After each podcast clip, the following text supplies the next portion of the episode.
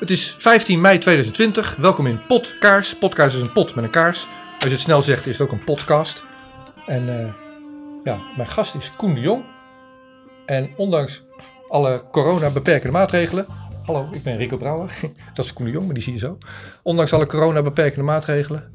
In de, in de studio. Precies. Dit is net, net geen anderhalve meter. Ja, het, ik uh, denk dat we het net halen. Bedreigend? Een klein beetje klein, achteruit. Klein beetje zo. Ja. We hebben een groot, groot cameraatje. Nou, leuk dat je er bent. Kijk hoor, zo. Waarom ik nou een bliepje heb. Ik zeg net tegen je van ik wil alles voorbereiden zodat ik geen, geen onverwachte dingen heb. En dan, dan doe ik mijn computer ping. Maar nou, welkom. Dank je. Ik heb jou uitgenodigd. Uh, ja, dat begint met een stukje wat ik las van jou op uh, Winia's Week. Daar wil ik mee uh, beginnen. Ja. Regeringen reageren als vanzelf op een crisis met meer overheidscontrole. In het coronajaar 2020 versterken zich de autoritaire tendensen die de afgelopen jaren al zichtbaar waren. Een autoritaire overheid kan zomaar het nieuwe normaal zijn, schrijft Koen de Jong. Ja, en uh, nou, dat zie ik ook. Mm -hmm. En heel Nederland ziet dat. Althans, mm -hmm. steeds meer mensen. Dat is dan wel weer positief en hoopvol. Maar uh, ik maak een beetje zorgen over die burgerrechten. En nou, ik weet niet of je dat weet, maar ik deed mee met die verkiezingen in 2017. Mm -hmm. Je kon op mij stemmen. Mm -hmm. En we hebben toch ons best gedaan om privacy en dat soort dingen aan de man te brengen. En te vertellen dat het belangrijk was. Voor de Piratenpartij. Voor de Piratenpartij ja. sloeg niet aan. Mm -hmm. Er is niet, op, niet voldoende op gestemd. En nu worden al die grondrechten met zo'n bad water, lijkt het wel, weg, weggegooid. En, uh, en jij mailde mij. Ik ga de komende maanden een serie artikelen publiceren op winiarsweek.nl. En die gaan over de totalitaire tendensen die ook in Nederland zich aftekenen. Thema's als propaganda, censuur, surveillance, in de gaten gehouden worden, angst onder mensen om voor hun mening op te komen, vijandbeelden. Precies, ja. Ik denk even belangrijk om uit te leggen dat uh, totalitaire tendensen is waar ik het over heb. Dat wil dus niet zeggen dat het al totalitair is of dat het in één keer allemaal totalitair zou worden gemaakt. Hè. Het gaat hier om hele kleine incrementele wijzigingetjes in dingen Waar, en die, als je die allemaal bij elkaar zet en, en ziet gebeuren, dan, kan je heel, dan, dan, dan ga je op een gegeven moment denken, ah, dit gaat eigenlijk een beetje te ver. Dit gaat een beetje een grens over.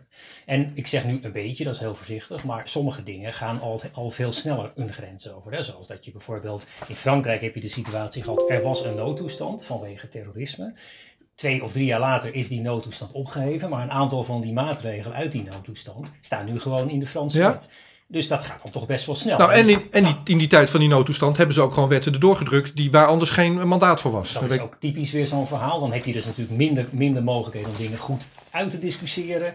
Ja. Je hebt in Frankrijk ook nog de aparte situatie dat het parlement daar niet zo, bij, niet, niet zo heel veel te zeggen heeft vergeleken met andere landen. Oh, dat, dat is ook niet iets wat iedereen beseft. Maar nee. in Frankrijk is de president erg machtig en het parlement kan, ja, ja kan okay. ook wel wat. Maar ja, als een president daar een meerderheid heeft, dan, dan gaat er heel veel doorheen. Ja. He, dus dat is, en het gaat dus om kleine, stapsgewijze wijzigingen. Die als je ze allemaal gaat optellen, kan je zeggen, ja, dat begint wel een beetje zorgelijk te worden, zo hier en daar. Zeker in een land als Nederland. Wij gaan praten op onze vrijheid en onze, ja. onze rebelsheid en dergelijke. En dat wij, dat wij daar zo aan hechten. Ja. En nou, dan moet je er ook op letten. Vind ik. Ja, dat vind ik ook. Ja. Maar ja, je, zegt kleine stapjes. Nou, dan, dan, dan doen we wel heel, heel veel kleine stapjes heel snel achter elkaar momenteel. Uh, ja, ik, waar dacht jij aan als je uh, in, in eerste instantie? Uh, hoe bedoel je dat? Hm.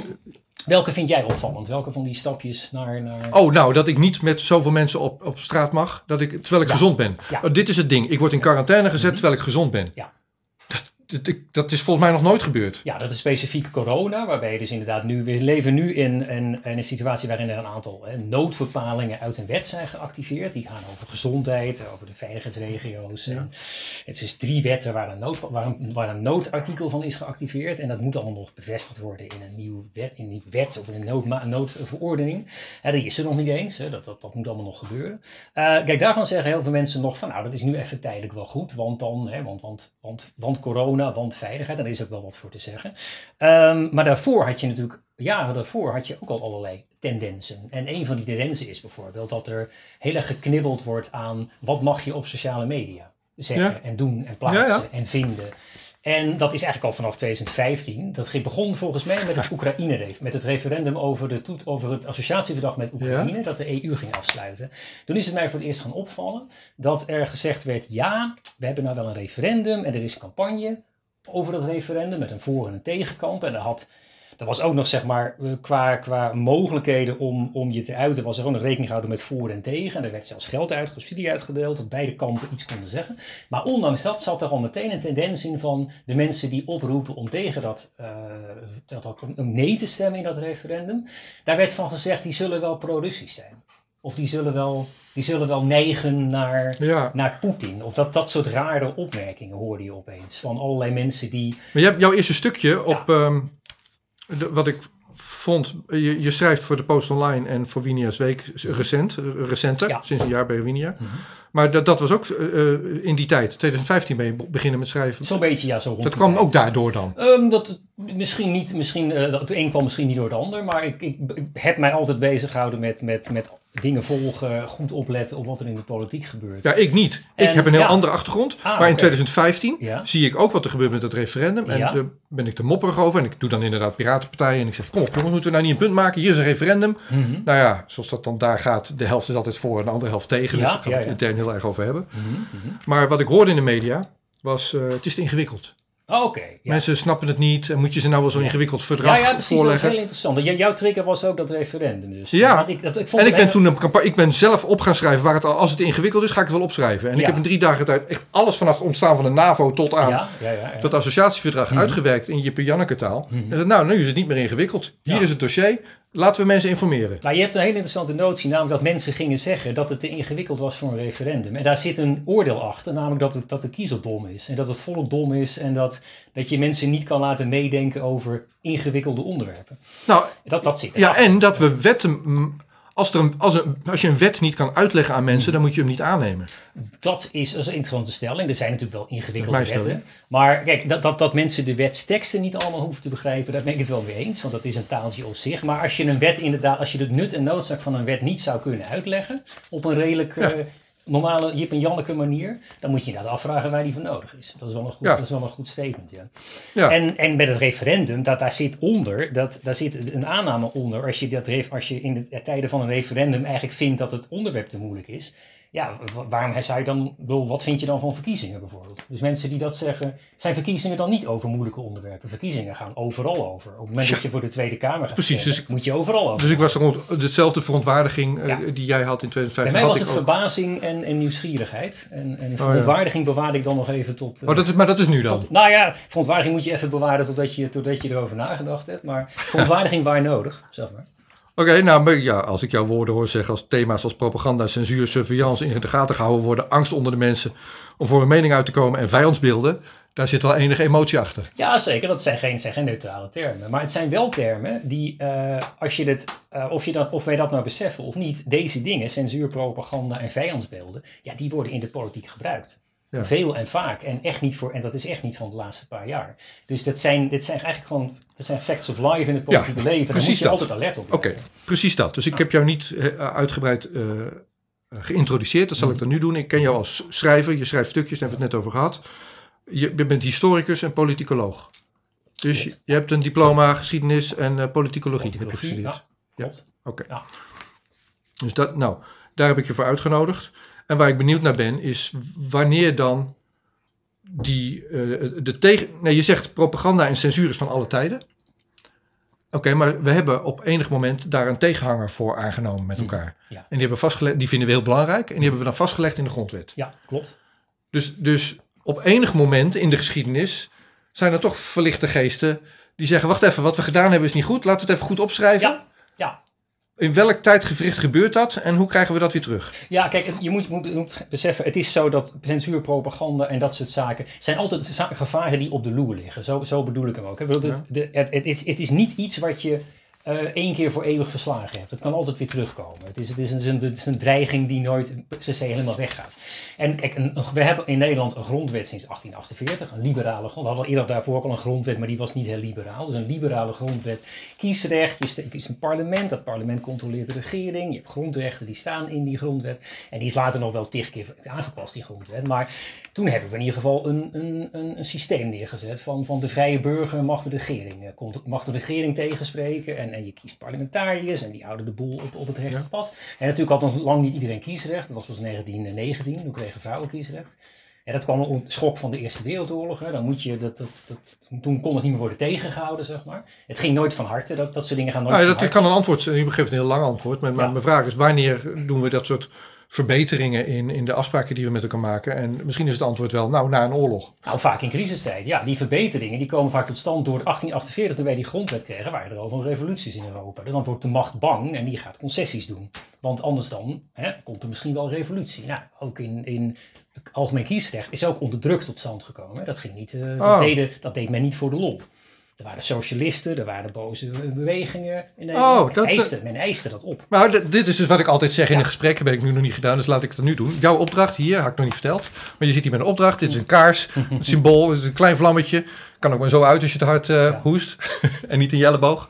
Maar wat met zo'n kaars komt, is hoop en een positieve boodschap. Ja, ja. Dus eigenlijk hoor ik hier een hele positieve boodschap.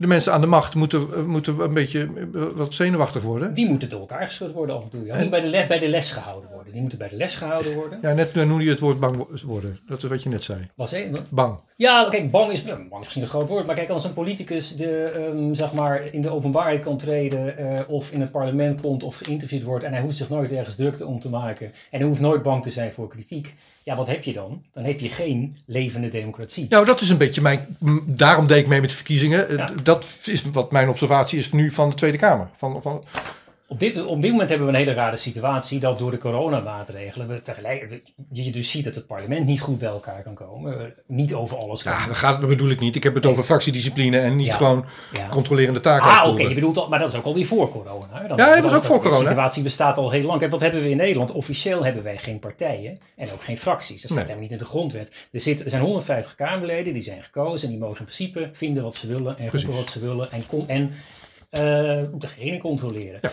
Nou, op een gegeven moment komen de partijen, lijsttrekkers, programma's, toestanden. Nou, op dit moment is het zo dat in heel veel fracties is de fractieleider de baas. En in heel veel gevallen eigenlijk ook nog de voorlichter. Ja, Die heeft ja. vaak nog meer te zeggen dan, dan andere Kamerleden. Ja, dit En heb jij geschreven. Ik heb dus al jouw stukjes gelezen vandaag. En dit is wa- wat, ik weet niet meer welk stukje, maar dit heb je ook ergens eh, eh, zo omschreven inderdaad. Kijk, jij hebt niet op die voorlichter gestemd, maar die voorlichter bepaalt voor een groot deel wat de boodschap is. Nou dus dat, en die fractieleiders kunnen onderling van alles regelen. Terwijl. In tijden van grote crisis, en volgens mij, dat ga ik je zo- meteen ook vragen, maar volgens mij zitten wij nu in een enorme crisis. Mm. En eh, mensen vergelijken het met de grote depressie van eh 1929, Mhm. van, eh, van 100 jaar geleden, negen- dat in 1929 begon. Ja. Nou, misschien is wat we nu hebben, of de komende jaren krijgen, wel groter. In dat soort tijden gaat het hoofd van regeringsleiders nog wel eens op een spies. In die Ja, tijden wordt de guillotine uitgevonden, dat is, zou ik maar dat is zeggen. heel, dat is heel, dat is heel radicaal. En, en Ja, ik roep er niet toe op, dat is niet wat ik bedoel, Nee, maar ik kan me dat voorstellen dat ze dan eh, peentjes zweten. Kijk, het is zo, kijk, aan de ene kant, die, die coronacrisis vraagt om regeringsactie. Hè? Dat, dat, dat, iedereen vindt ook, de moet, hè, regeringen moeten wat doen. hè, Ja. Want je hebt een grote gezondheidscrisis. Nou, dat kan je alleen maar oplossen door, door in ieder geval een aantal maatregelen te nemen. En ook nog goed samen te werken. Tegelijkertijd, ja, crisissen zijn gevaarlijke momenten voor de, voor regeringen. Want die kunnen heel snel impopulair worden door een crisis. En dan komen, Ja. er, komen er omslagen. Precies, nou, ik, Ja. eh, helemaal goed. Dus ik, ik heb daar wat voorbeelden uit jouw stukjes eh, van gehaald en dan wil ik je dan v- vragen op te, op te reageren. Voordat we dat gaan doen, eh, propaganda, censuur. Wat is daar het omgekeerde? Wat is daar de antidote tegen? Het, het, het, het middel? Het, Ja, kijk, het antidoot van propaganda is, eh, is eerlijke boodschappen. Recht voor zijn raap eh, zeggen hoe het echt zit. Ja. Niet, niet verhullen. Dat is, de- en dat betekent ook dat dan... Transparantie. Transparantie. Transparantie is, is niet iets wat in de. Dat is geen grondrecht of zo. Hè? Er is geen verplichting aan de regering om transparant beleid te maken. Mm, het is geen verplichting. Er staat nergens letterlijk het woord transparant bij mijn beste weten. Aan de andere kant, het is, het is transparantie is ook iedereen de kans geven om wel... Om ook zijn eigen standpunt en mening in te brengen. hè. Dat is de vrijheid van meningsuiting. Dat- Pluriform, pluriformiteit. Ja. Transparantie staat bij mijn beste weten als woord nergens... eh maar dat geen is- grondwetdeskundige, maar dat... eh, Nee, ik ook niet. Maar dat is wel mijn stokpaardje elke Ja. keer. Als ik zeg, Nou hoe moet het nou beter? Ja. Zet er een webcam op. Moet je eens kijken hoeveel beter het gaat. Haha, jij hebt de Circle gelezen van, van Dave Eggers misschien. Nee, dit is, dit, iedereen- is, nee, het is wel gestolen, maar dit is gestolen van uh, Jannes Varoufakis, die, Ah, eh, ja. die M25 eh, begon. Die zei dat over de Daar moet je ook weer mee oppassen, hè, met overal een cam op, maar dat is zijde. Maar, ja. Nou, ik denk dat het voor, met Griekenland en de Europese Unie beter was afgelopen als, als in die groep van Dijsselbloem inderdaad gewoon eh notulen gemaakt zouden zijn, Ja, ja, zijn minst. Ja. Maar wat wel in de grondwet staat is vrijheid van meningsuiting. Hm, Zeker. ja. Dat is ook een, een- de, de, de flipside van, ehm, van censuur. En ehm, het omgekeerde van ja, surveillance En censuur is ook persvrijheid. En dat is ook. Persvrijheid, meningsvrijheid, Ja. openheid. Ja. Dat zijn ook grondrechten. En ehm, En dat is niet alleen de pers, maar dat is ook dat jij overal durft te zeggen wat je vindt. Hè? Dus niet, alleen maar, niet alleen maar dat je het in de krant, dat iemand het in de krant opschrijft, maar dat jij je ook vrij voelt om, als iemand je wat vraagt, om te zeggen wat je echt vindt. Dat hoort er ook bij. ja, ja, precies. Nou, en ehm, het tegenovergestelde van surveillance, zou ik dan zeggen, ik ben benieuwd wat je ervan vindt, is eh, eh, ook het recht op je persoonlijke levenssfeer, dus privacy, recht op Ja, privacy. Ja, heel belangrijk. En wat daarbij komt eh, op lichamelijke integriteit. Ja, ook dat is nog heel belangrijk, zeker. Nou, ook in het kader van de corona. Op dit moment. Want ja. wat, ik, wat ik graag zou willen, benieuwd hoe jij dat ziet, is dat er nu een wetsvoorstel komt dat zegt: Oké, we, we zitten in een heel raar tijdsgevricht. Laten we in ieder geval maar preventief een verbod op verplicht vaccineren invullen nu. ja, dat vind ik een hele moeilijke, want ik weet, ik weet helemaal niks van vaccins en ik weet helemaal niets van medische... Nee, maar je weet wel van burgerrechten. Ja, ik denk dat een verplichting heel erg moeilijk ligt, lijkt me. Ik ben ook geen jurist, maar verplichtingen, verplichtingen zijn, zijn ondingen vaak. Dat, is, een, eh, dat is absoluut waar. Verplichtingen, zeker als die te maken hebben met jou als persoon. Hè? Als jij gewoon andere opvattingen hebt of andere meningen. Jij bijvoorbeeld, jij kan niet gedwongen worden naar een dokter te gaan, bijvoorbeeld, als jij ziek bent. Als jij ziek bent, dan hoef jij niet naar een dokter. Het is wel aan te raden dat je dat doet en het is misschien wel verstandig Ja. en zo.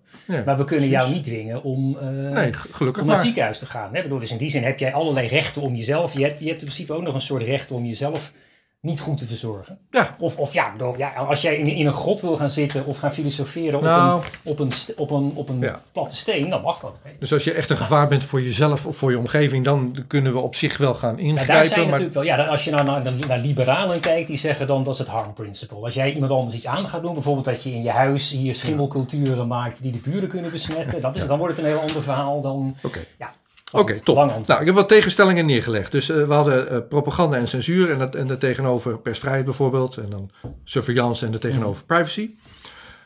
Dan heb je politici die doen alsof dat een... eh, alsof je, dat uitwisselbaar is. Dat, dat, dat, dat zij...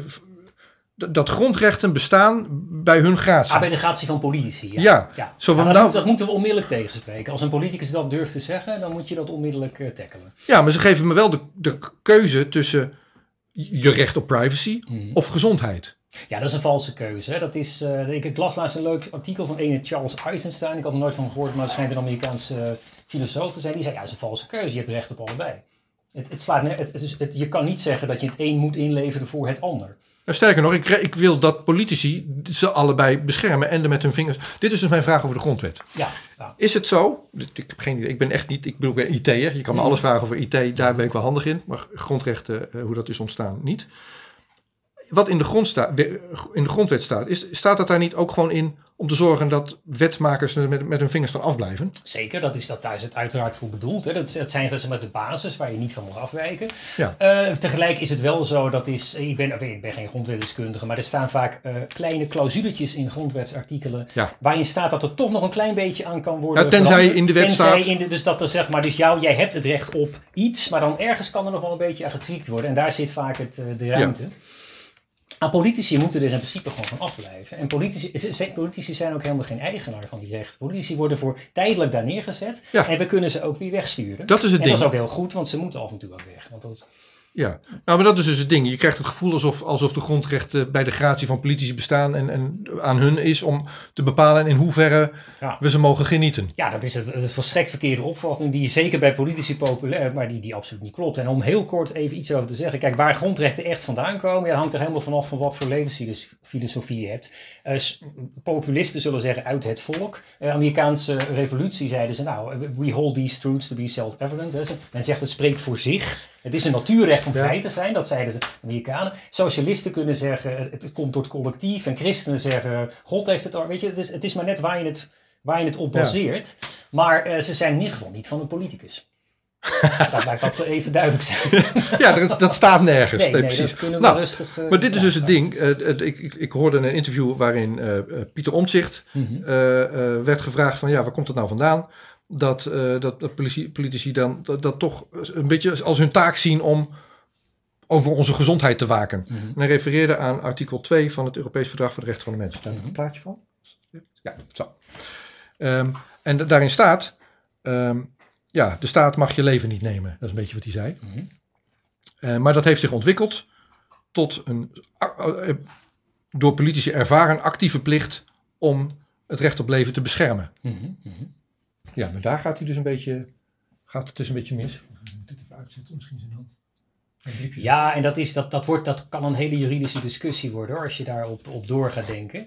Maar kijk, je moet je voorstellen dat toen we, grondwetten kregen, toen we een grondwet kregen, ook die Amerikaanse grondwet die nog ouder is die van ons, toen was het allemaal nog heel erg, zeg maar, eh, was het negatief geformuleerd. Namelijk, de regering mag iets niet doen. De regering mag jou niet arresteren, je huis niet inkomen, mag jou niet doodmaken. En dat waren zeg maar, het recht om, om zeg maar, niet lastiggevallen te worden. Later kwamen er in grondwetten ook allerlei positieve rechten. Namelijk het recht op dat de regering jou een minimuminkomen moet geven, je in ieder geval te eten moet geven. Ervoor moet zorgen dat jij een minimum basisniveau van, van, levens, van, van, van levensonderhoud hebt. Dat is allemaal heel recent. Hè? En dat EVRM is nog veel recenter. Dat is... eh, dat is, dat is eigenlijk allemaal pas, pas van na de Tweede Wereldoorlog. Ja, maar als je die tekst leest wat er net stond, Ja. dat is helemaal niet zo heel spannend. Het recht van een ieder op leven wordt beschermd door de wet. En Ja, nie- nie- niemand mag opzettelijk eh, worden doodgemaakt. Ja, behalve Zeker. bij de doodstraf bijvoorbeeld. Ja. Dat is een uitzondering. Maar er staat niet in, eh, eh, Rutte mag mij een straatverbod opleggen omdat hij bang is dat jij ziek wordt. Nee, en dat is ook eh, heel erg op het randje, zeg maar. Van, althans, dat moet, dat, dat, ja, een straatverbod, daar moet dan een goede reden voor zijn. En jij bedoelt nu een straatverbod dat je niet zomaar met z'n drieën in het park mag zitten. Ja, dat bedoel En ik. dat Nou, een maar agent kan zeggen 390 euro boete als je, als je, hij zit te picknicken. een, een vriend van mij die hier niet zo lang geleden zat, ook keurig op bijna anderhalf meter afstand, die zegt ik ben in, Spa- in Spanje eh, door de politie met een wapenstok terug mijn hotel ingeslagen Zeker, toen ik buiten stond te roken. Ja, in Spanje is de situatie gewoon eh, veel strakker dan in Nederland. Daar is, gewoon, is het gewoon verboden. Daar hebben ze al gezegd, het is verboden om een aantal dingen Zo te is doen. dat. En in Frankrijk moet ik een printje maken anders, Ja. en met een document op straat, anders mag het ook niet. Ja. Maar dat valt onder dezelfde EVRM, dat wil ik maar zeggen. Ja, kijk, het punt is, bijna alle wetten in alle landen en ook, ook grondwetten hebben allerlei noodclausules die tijdelijk kunnen worden geactiveerd. En dat Ja. zijn dit soort dingen. Dan gaat de regering per decreet regeren. En in principe moet dat allemaal tijdelijk zijn en moet dat door het parlement op elk moment stilgezet kunnen worden. Dat is de theorie. Ja. Dus het parlement moet morgen kunnen zeggen, het is klaar. Nou, jij maakt je daar kennelijk ook wat zorgen over, want je schrijft aan mij. eh, wat was nou? Ja, ik ga komende maanden een serie artikelen publiceren eh, eh, over de totalitaire tendensen die zich ook in Nederland aftekenen. De mogelijke totalitaire tendens. En je moet dan denken aan, kijk, wat mij heel erg opvalt in het coronadebat toen het net begon. Dus toen, toen de eerste maatregelen werden genomen in de zin van blijf thuis en eh, doe, u, doe de horeca op slot en doe de scholen dicht. Heel veel mensen wilden dat ook. En er werd ook echt om gevraagd. Dus het was ook niet zo dat de regering dat opeens eh, tegen de wil van iedereen indeed. Maar ehm, het viel me wel op dat er onmiddellijk werd geroepen, ja, dat parlement moet zich even er niet mee bemoeien. Het parlement moet even zijn mond houden, want de regering moet nu regeren. En we moeten even geen gezeur van allerlei, eh, allerlei Kamerleden, want dat loopt maar in de weg. Hè. Er waren mensen die zeiden, we moeten de leider volgen. Dat werd allemaal letterlijk op de radio gezegd. Maar de leider volgen, dat klinkt toch niet heel vertrouwwekkend. Hè? Nee. Precies. Ik, wel ik ga niet al bij flauwe Godwins erin gooien. Maar is dat algemeen niet zo'n goed idee om te gaan zeggen dat je, dat je de macht niet meer moet controleren. En dan is er een Kamerdebat en dan gaat iedereen weer overvallen over dat Wilders wat geroepen heeft. En Thierry Baudet en de SP en, en Wesse Klaver. En die waren allemaal weer veel te, eh, veel te fel, vonden dan een aantal mensen. Waaronder ook journalisten. Hè? Journalisten van de NPO en Andries Knevel en dat soort mensen. En dan denk je, ja, bedoel, daar worden die mensen toch echt voor aangenomen. Om oppositie te zijn en om tegen te spreken. En dat hoort er ook gewoon bij. Ja, dus, dus dan, dan denk je al van waar komt dat toch vandaan, dat idee dat je de regering niet moet tegenspreken. Nou ja, er zijn wel journalisten die kritisch zijn. Zeker. Eh, niet kritisch genoeg en niet altijd kritisch. Maar er zijn WOP-procedures gestart en de regering zegt... wij schakelen WOP er eventjes uit. De wet openbaarheid van bestuur voeren we nu maar even niet uit. Kijk, met de media, je, je moet nooit de media als een. De media is wel een geheel en het is, het is een ding, maar eh, er zijn heel veel verschillende journalisten, heel veel verschillende opvattingen, heel veel verschillende taakopvattingen. Maar ik vind het eigenlijk al vrij opvallend dat er überhaupt journalisten zijn die vinden dat parlementariërs even rustig aan moeten doen. Dat vind ik niet bij journalisten. Ja.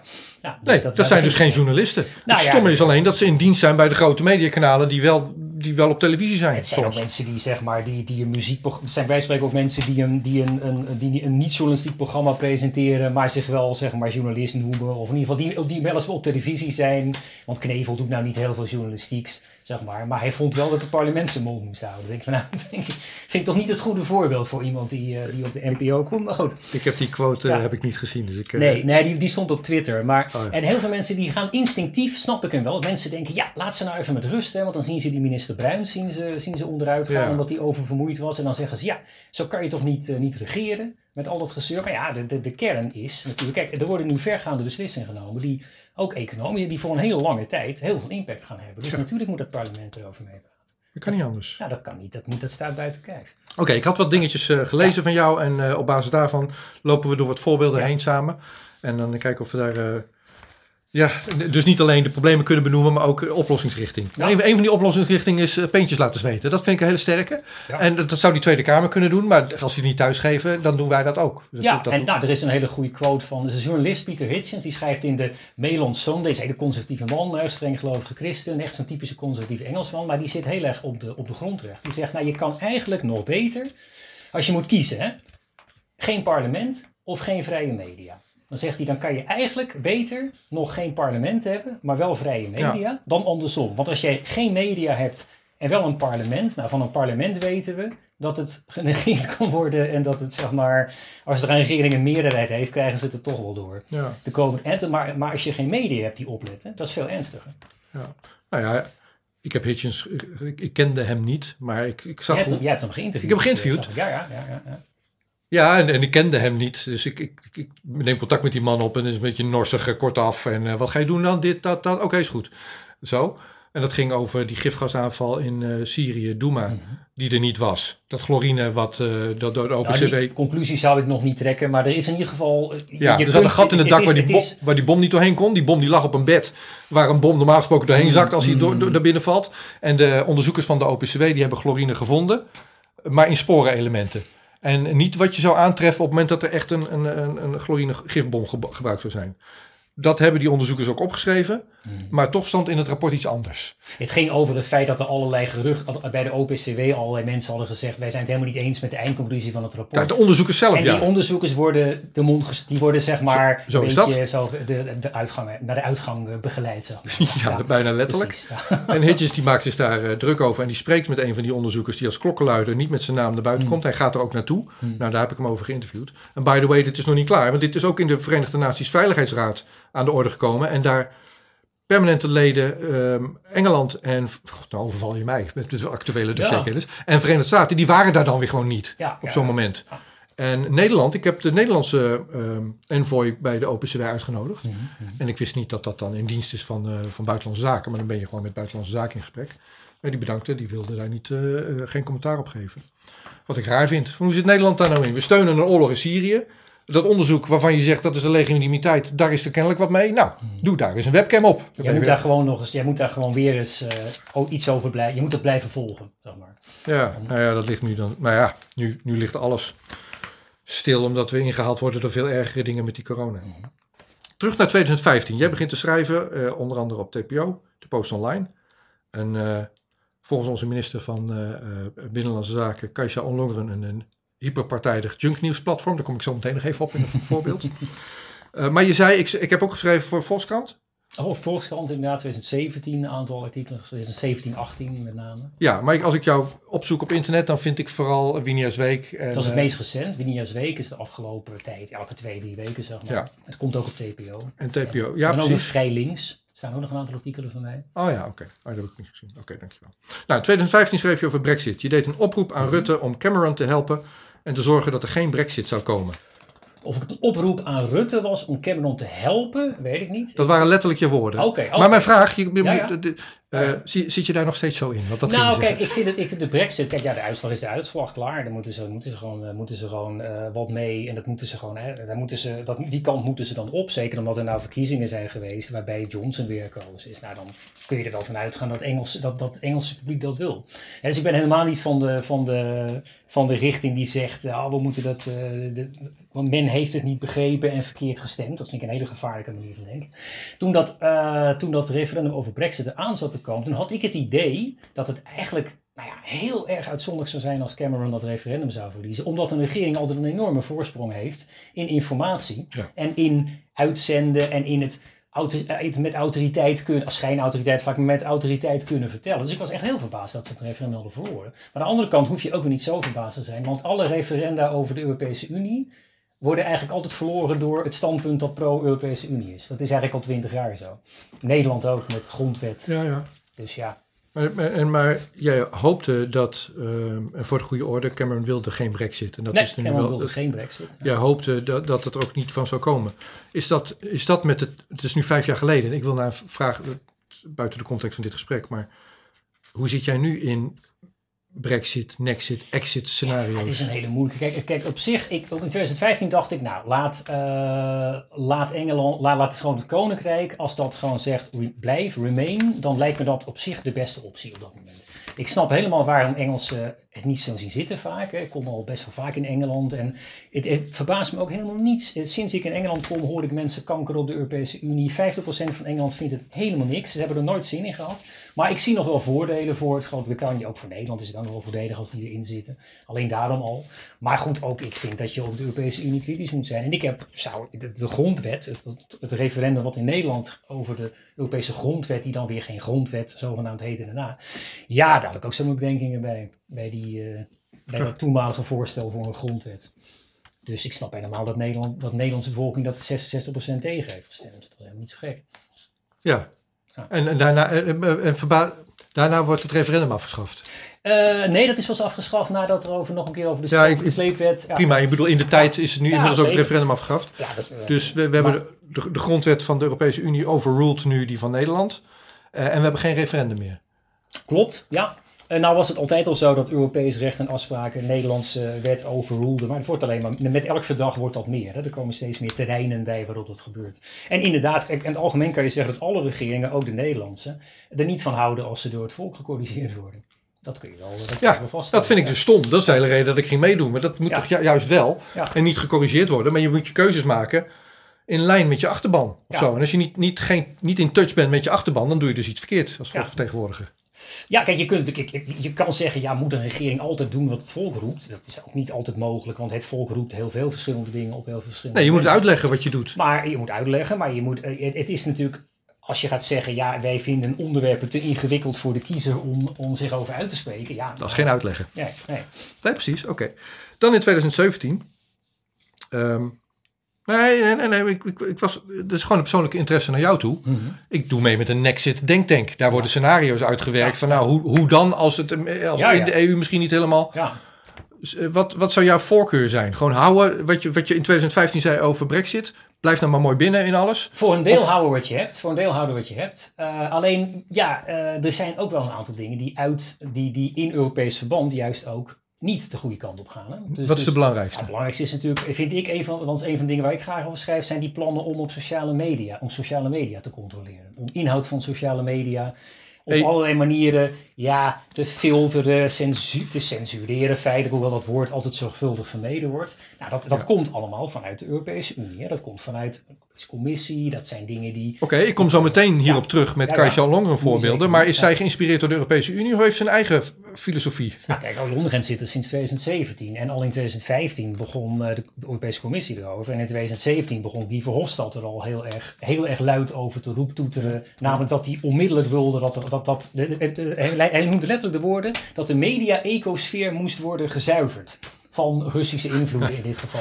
Nou, dat, zijn nogal, dat, zijn nogal, eh, dat was nogal duidelijk, zeg maar, welke kant hij op wilde. Nou, Guy Verhofstadt is geen klein iemand hè, in Europees verband. Het is niet eh eh Nigel Farage of zo. Die, eh, het, is geen outs- het is geen outsider, het is een insider. Ja, nou, als zo'n ja. insider dat zegt, dan zegt dat wel iets over welke kant men op wil. Maar jouw vraag was of ik, de Europese, of, of ik aan de Europese Unie, wat ik daarvan vind. En Nexit is natuurlijk een enorme sprong. Nou, je kan stukjes. Nexit doen. Hè? Je kan euro doen, je kan terug naar de EEG. Je kan, je kan zeggen... We, Kijk, en Nexit lijkt me erg radicaal. Ik, heb ik ben daar geen voorstander van. Eh, als je gaat kijken naar de, eh, wat, wat er al bestond toen het nog Europese Economische Gemeenschap of EG was in 1992 bijvoorbeeld. Hè, verdacht van Maastricht. Ja, dat was ook al best wel vergaand. Toen was echt ook niet iedereen blij mee. En heel veel mensen zagen dat ook niet zitten. En ja, maar ja, sindsdien is het nog veel verder gegaan qua, qua integratie. Maar ja, dat, is, dat geeft je eigenlijk al dat je de vrijhandel en dat je gewoon dat, dat als jij spullen hebt, dat je ze in Spanje kan verkopen en vice versa. Ja, daar zit het. Dat is eigenlijk de basis van het welvaartsargument voor de EU. Namelijk dat we er rijk van worden. Want dat is wat vaak gebruikt wordt als, als verkoopargument. Hè? We worden ja, nou, rijk van. eh, eh, Dat had je toen ook al. Dus eh, heb je er niet voor nodig. Bedoel, Nee, precies. spreken, nee, nee. En, en, precies. Oké, check. Nou, in ieder geval een zijstapje. Ja. Ehm, in 2017, eh, daar waren die verkiezingen waar ik aan meedeed en wat me deze gr- grijze haar heeft opgeleverd. Mhm, mhm. Dat is nog twee weken langer had geduurd als ik mijn haar kwijtgeraakt waarschijnlijk. Maar op 13 maart in 2017, dus twee dagen voor de verkiezingen, schrijf je... Houd toch op over die gamechanger. de coalitie is al... Nou, de vraag is dus, je begint te lachen... Herinner je je Koen de Jong die dat toen schreef? En is dat een andere dan nu drie jaar later? Want, wat is de vraag? Omdat ik een andere coalitie Nee, omdat je meteen begint te lachen. Want je herinnert je wel wat je geschreven hebt Ja, ja, ja, Zou je het nu weer zo schrijven? Deze column was een beetje gekscherend, omdat ik mij, dat was een paar dagen voor de verkiezingen. En ik werd heel erg moe van de politieke campagne, die allemaal een beetje, het werd een beetje grappen en grollen en onderling eh, lachen. En terwijl ik zoiets had van ja, het kan maar één uitslag hebben. Namelijk een coalitie van een aantal middenpartijen die elkaar gaan vasthouden. En of dat nou groen, ik had gedacht het wordt GroenLinks. eh, met de VVD, Ja, ja. met de ChristenUnie. Met het, maar goed, uiteindelijk kom je op iets in het midden uit met allemaal partijtjes die al wel eens geregeerd hebben en die elkaar dan innig gaan vasthouden. Omdat ze natuurlijk helemaal geen zin hebben om eh pot te kijken zoals de SP of, of Wilders erbij te hebben. hè. Want dat was dan Ja. een keer, een keer falikant mislukt met Wilders. Dus dan ga je dat niet nog Ja. een keer doen natuurlijk. Dus je herinnert je weer die frustratie van jongens, het is een poppenkast. Ik moest er wel om lachen. Ik denk drie dagen voor die verkiezingen. Nou, je weet ongeveer welke kant het uit gaat qua uitslag. In Nederland blijven we maar peilen. Ja. Dus je weet eigenlijk toch wel wat het wordt op een gegeven moment. Houd toch op over die gamechanger, de coalitie is al lang beklonken. Nou, daarin had je het mis. Dat- Ja, het werd, die ChristenUnie had het niet voorspeld. Nee. Ja, maar ze deden er ook een half jaar over. Ja, nee, dat is ook zo. Ja, maar pas op, hè, want je, dat, dat lijkt dan alsof, het met, alsof, het, eh, alsof er enorme eh, meningsverschillen waren of zo, of dat er iets radicaals is gebeurd. Maar het gaat feitelijk gewoon over partijen die al heel vaak met elkaar hebben samengewerkt, die alsnog weer met elkaar in zee gaan. En die ellenlange onderhandelingen, dat, daar komt niet per se veel uit. Dat is niet per se een teken van dat er op het scherpst van de snede voor de burger wordt gevochten. Die onderhandelingen die zijn gewoon uitruilen tussen partijen. En daar zitten wij Ja. niet bij. Ja, ja, zoals En wat eruit komt, daar heb jij ook niet op gestemd. Nee, ik sowieso niet. Maar zoals belastingvoordelen, dat was de, de deal van, eh, van, eh, van Rutte inderdaad. Maar je, en je schreef, we gaan twee jaar pappen en nat houden tegemoet. Ehm,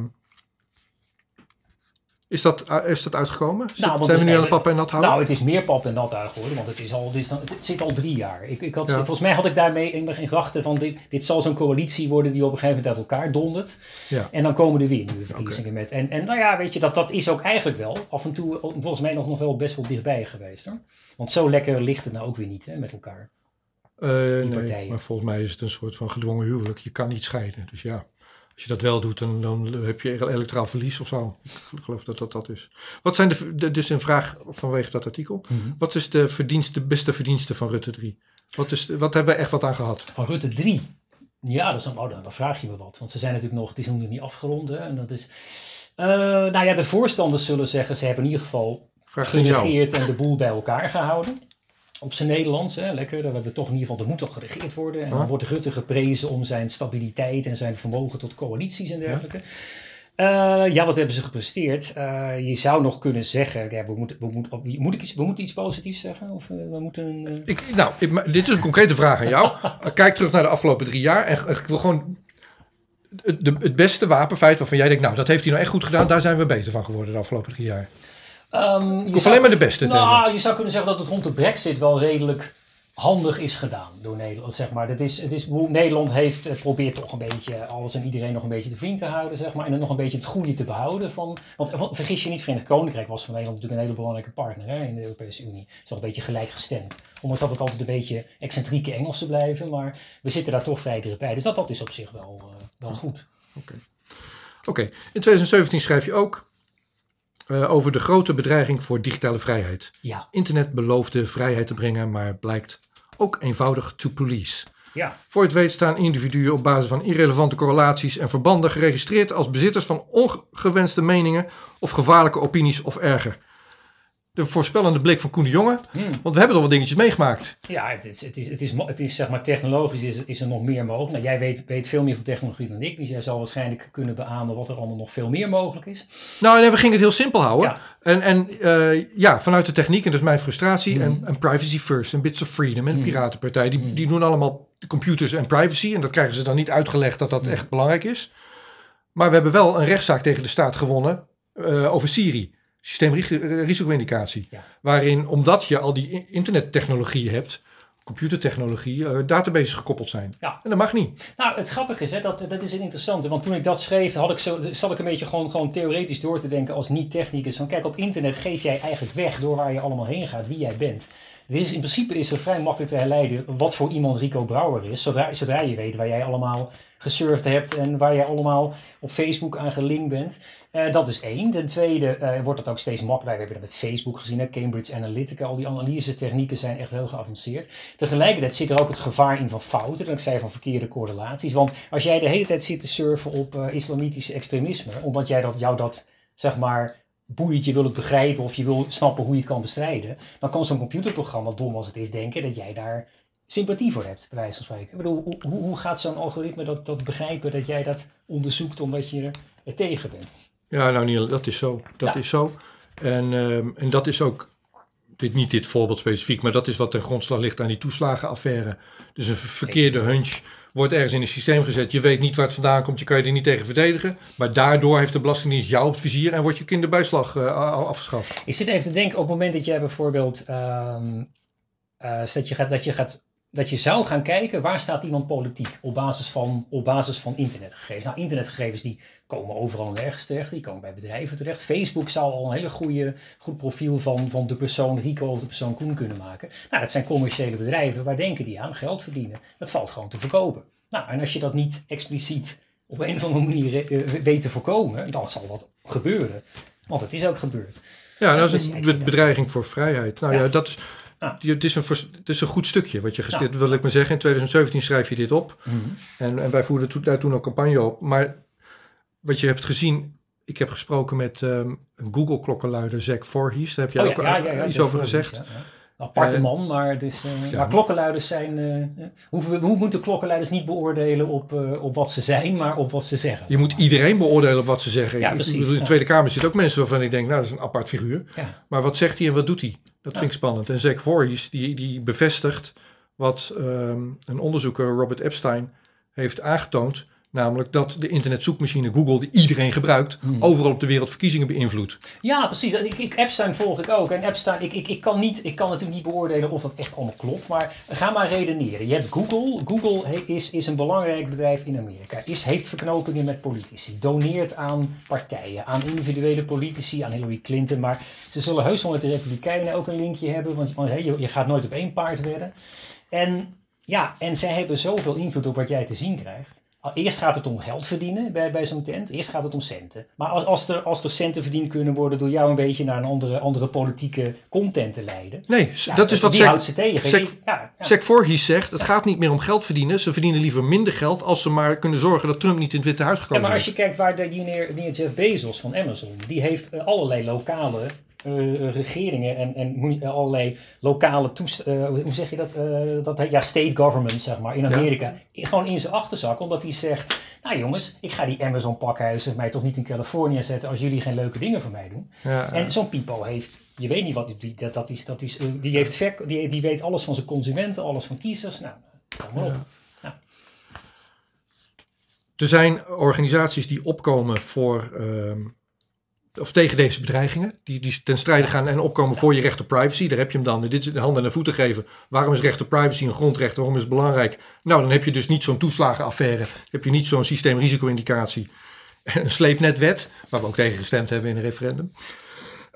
Ja, want jouw partij was daar, was daar flink op aan het... Uh, ja, dat was ook mijn partij. Ik ben daar nu, even voor de goede orde, dus, dus ik ben daar nu niet meer aan verbonden. Oké, okay, de Piratenpartij, ja. Ja, ja. want kijk, de slepen, daar werd op een gegeven moment een argument gebruikt van ja, dat valt wel mee wat daar aan, uh, aan, aan bevoegdheden in staat. Ja, ja, er zijn wel meer landen die zo'n wet hebben, maar het was wel weer een uitbreiding. Het was ja, wel weer een uitbreiding. Dat er meer landen zijn die zo'n wet hebben, maakt mij niet uit. Nee, je nee, bepaalt precies, hier je eigen. Ja, maar dat was ook weer een argument. Dat dat anders. Dat, dat, kijk, je moet niet vergeten, Nederland, Nederland zit in een omgeving van allerlei, uh, van allerlei uh, regeringen die ook van alles besnuffelen. En nou ja, deze inlichtingenwet was nodig, zei men, want anders lopen wij achter, want het, het, de vorige was ouderwets. En die ging alleen maar over telefonie en, uh, en dat soort dingen. En moest aan de, aangepast worden aan de, aan ja, de nieuwe werkelijkheid van internet. Dat is mijn frustratie dat ik daar niet mee praat. Of alleen aan de zijkant een beetje beschouwend, zoals die mm. mannetjes op het balkon bij de Muppet Show. Want dat zitten mm. wij nu uit te hangen, weet je wel. Mm. Ja. Um, grondrechten maakt niet, het maakt niet uit of je je grondrecht in een computer hebt of in een woonkamer. Mm -hmm. Het zijn grondrechten. En je hoeft niet een nieuwe wet te schrijven omdat je nu ineens computers hebt. Als je die oude wet, misschien moet je woorden aanpassen of zo. Maar de wet op het briefgeheim, Dat, dat je niet zomaar een brief mag openmaken die ik Hmm. aan jou verstuur. Ja. Dat is dezelfde wet eigenlijk als het toestaan van encryptie of, of niet afluisteren van de kijk, het is, communicatie. het is een hele, het is, een- het is inderdaad, ik, ik ben geen kenner van, van wat er precies in die wet staat. Hoor. Dus dat moet, dat moet ik even, even schuld, even dat antwoord moet ik, moet ik schuldig blijven. Maar een, een brief was altijd heilig. Hè? Je maakt een brief niet open. In, in, uiteraard gingen geheime diensten altijd wel trucjes toepassen. Ja. En openstomen en zo. Maar dat vonden wij toch allemaal heel erg onkies. En dat was in, oorlog, in, in oorlogstijd wordt dat allemaal, altijd allemaal aange- aangezet, dat soort dingen. En daarna wordt het weer teruggedraaid, als het goed is. Maar e-mail is gewoon een brief. Dat is, als ik jou mail, dan wil ik niet dat iemand anders dat ziet. Kan me niet schelen of Google ertussen zit of, eh, of, of, of, KPN. Nou ja, e-mail is een, is een ansichtkaart. Met andere woorden, je stuurt hem gewoon zonder envelopje, doe je hem in de brievenbus. Mm, mm. En iedereen die ertussen zit, woont, die kan meelezen. Ja, dat is waar. Kijk, het is niet eens meer de we postbode. beseffen het vaak niet, maar feitelijk kan, je, kunnen er allerlei mensen meelezen. Ja, dus, en, niemand denkt na wat hij e-mailt, maar toch is het is feitelijk gewoon heel openbaar. Zo is dat. Nou, maar mijn vraag waar ik naartoe Ja. wilde is, je hebt dus privéorganisaties, burgerorganisaties, Ja. Privacy First, Bits of Freedom, Piratenpartij, die opkomen voor, eh, eh, ja, voor je recht op privacy. Mhm. Terwijl het een grondrecht is. Mijn vraag aan jou, wie komen er op voor grondrechten? Behalve privéorganisaties. Mm, er zijn een aantal politici die heel erg hun best doen om vragen te stellen. Er zijn eh, mensenrechtenorganisaties. Er zijn, er zijn ook eh, toch ook wel nog wel heel, er zijn wel heel veel wetten en heel veel regels en heel, je noemt wel het EVRM, die duidelijk een aantal dingen stellen. Van bepaalde dingen zijn gewoon rechten die je hebt. Dus het staat op papier. Het, het is er. want Het is een, er is een heel juridisch kader aan dingen die, eh, zeg maar, die, die, die jou en mij in principe allerlei rechten geven. Maar het gevaar is toch, eh, veel politici vinden het toch altijd wel weer prettig. Dat is het gevaar van machthebber worden. Om dat toch allemaal maar een beetje eh, ja, als lastig en, en vervelend te zien op het moment dat er geregeerd moet worden. Ja. Hè, bedoel, stel dat jij opeens burgemeester wordt ergens en je hebt gedoe met, met weet ik wat, lastige demonstraties of criminaliteit, weet ik veel. Nou, de verleiding is al heel groot om dan, als je dan verantwoordelijk bent en, en burgemeestertje bent, dan om te denken, nou, het zou toch wel lekker zijn als ik even wist wie al die vervelende figuren waren en wanneer ze gaan demonstreren en dat ik daar van tevoren even bij kan zijn. En, Ik ben benieuwd hoe ik erop zou reageren. Ik weet het. Ik Nee. geloof het niet eerlijk gezegd. Misschien is het eerder bang om op je bek te gaan. Dat je daarom eh, Ja. het verstopt. ja, ik denk dat er heel veel mensen ook zijn die oprecht ook allemaal het volledig met ons eens gaan zijn, zeg maar, als ze dit horen. Ja. Maar die als ze zelf, zeg maar, eh, iets moeten regelen of een bepaalde verantwoordelijkheid hebben, misschien ook wel in de verleiding komen. Het is ook allemaal niet zo makkelijk. Ja, ja. Maar ja, we begonnen het, het gesprek en toen zei je... eh, In, in tijden van peentjes zwetende politici... doen ze vooral die grondrechten wel formuleren. En kennelijk als ze wat relaxed achterover kunnen zitten... en ze moeten gewoon een beetje beleid maken... dan, dan dat is de tijd van erosie van grondrechten. Zeker, zeker. Kijk, crisissen kunnen hele verkeerde gevolgen hebben. Ze kunnen ook positieve gevolgen hebben. Hoor. Dat, dat, dat, dat kiesrecht kwam omdat men bang was, wet van de, wet van de massa. Maar een, een crisis kan ook leiden tot, tot dat er bepaalde dingen teruggedraaid worden. En kijk, als het eenmaal weg is, heb je het niet zomaar meer terug. Het kost heel lang om een vrijheid weer terug te bevechten. Dus je moet er heel zuinig op zijn. Nou, is dat gebeurd dan? Eh, dat weet ik dus niet. Want volgens mij hadden we een soort van feodaal systeem. Dat duurde echt heel lang. Je had me- me- middeleeuwen en zo. En, en, en, eh, en op een gegeven moment heb je, wat zei je, 1848 heb je de eerste echte grondwet van Nederland. En, daarna kreeg je, stemrecht en, Ja. en zo. Dat is een Ja. beetje progressieve lijn. Mhm. En, en, en nu kalft dat af, heb ik het gevoel. Het wordt er niet beter op. Het Hebben is we vaker, zichtbaar, maar er zijn wat vervelende, er zijn wat vervelende tendensen inderdaad. Ja, zo is dat vaker gebeurd? Nou ja, kijk, Nederland is een last. Kijk, Nederland, afgezien van de Tweede Wereldoorlog, is Nederland wel altijd een democratie gebleven vanaf 1848. En na de Tweede Wereldoorlog had je natuurlijk ook mentaal een soort openheid van. We gingen de autoriteit wat minder serieus nemen. Hè. Je ging je en jij zeggen tegen een politicus. Eh, vroeger moesten ze excellentie zeggen. En op een gegeven moment ging iedereen autoriteit eh, een beetje in, in, in het ootje nemen. Dat is heel goed, hè. En er zijn ook mensen die vinden dat dat is doorgeslagen. En die knettergek worden van die, van, die zeggen, ja, die 68-revolutie, dat, toen is alles misgegaan. Maar je ziet nu toch dat het veel minder makkelijk, toch, men is toch veel minder kritisch nu al. Eigenlijk dan in de jaren 60, 70. Hoewel ik ook wel ja, ik zeg niet dat het allemaal geweldig was toen, of dat het allemaal zaligmakend was. Maar, nou, ja, maar kijk naar andere landen, als in Oost-Europa. Daar hebben ze op een gegeven moment toch het, co- het communistische systeem, ged- eigenlijk het totalitair systeem ged- gedumpt. Hè. Het maakt niet uit of een totalitair systeem communistisch is of een andere ideologie. Het is totalitair. Dan zijn ze er toch weer vanaf eh, gekomen, met hulp van buitenaf. En nu zie je alweer dat het weer, weer, dat het weer, op, dat het weer teruggedraaid wordt. Hè. Ja. Dus ja, je kan, je kan er vanaf komen, zeg maar, maar het kost heel veel moeite.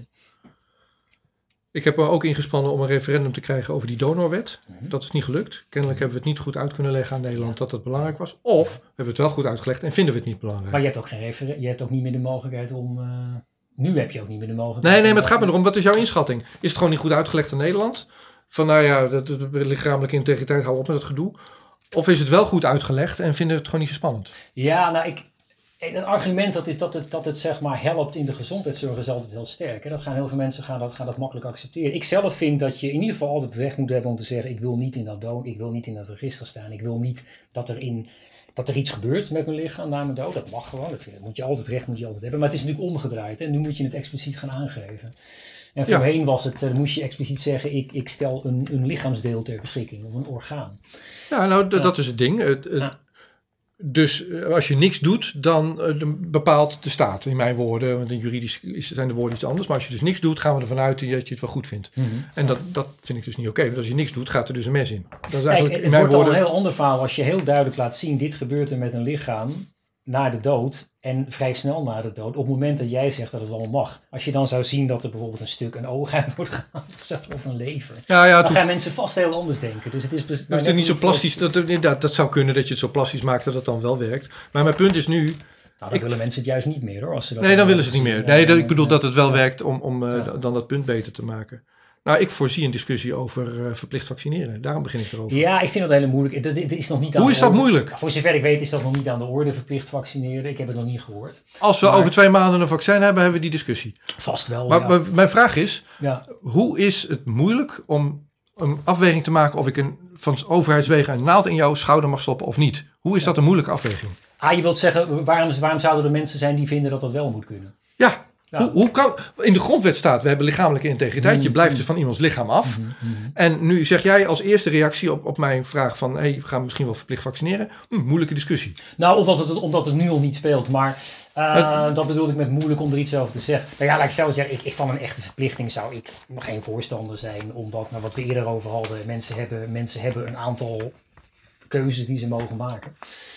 En uh, voor zover ik weet is, het ook, is dat ook nog nooit ergens verplicht gesteld. Maar dat, dat, moet, dat weet ik niet eens zeker, want daar zit, daar zit ik er niet goed genoeg voor in. Maar... Nou ja, dan krijg je die discussie. Daar heb ik dus ook een erger ik me ook aan. Van ja, in andere landen doen ze het ook dus. Ik dus weet niet, zijn er landen waar dat verplicht is? Dat weet ik ook niet. Nee, nee, nee. Dat weet ik niet maar ik weet wel dat Netanyahu van Israël vorige week zei... Um, For instance, every person, every kid, I want, to, I want it on kids first, Mhm. mm -hmm. would have a sensor that would sound an alarm when you get too close. Like we have in cars. Hij heeft het over chippen van kinderen. Ja, dat heb ik ook gelezen. Dat was niet aan jou hoor. Dat, dat, dat doet dan denken aan huisdieren. Want bij huisdieren. Mijn hond heeft een chip. Alleen het is ook, niet, is ook niet verplicht om je huisdier te chippen, voor zover ik weet. Ja, kijk, dit, dit, dat, zijn, dat, dat klonk heel absurd. Ik las dat inderdaad zo van, nou, de, een chip in, in iemand. Denk, nou, doe maar niet gewoon, weet je. Gevoelsmatig zeg je dan toch, doe maar niet, hè.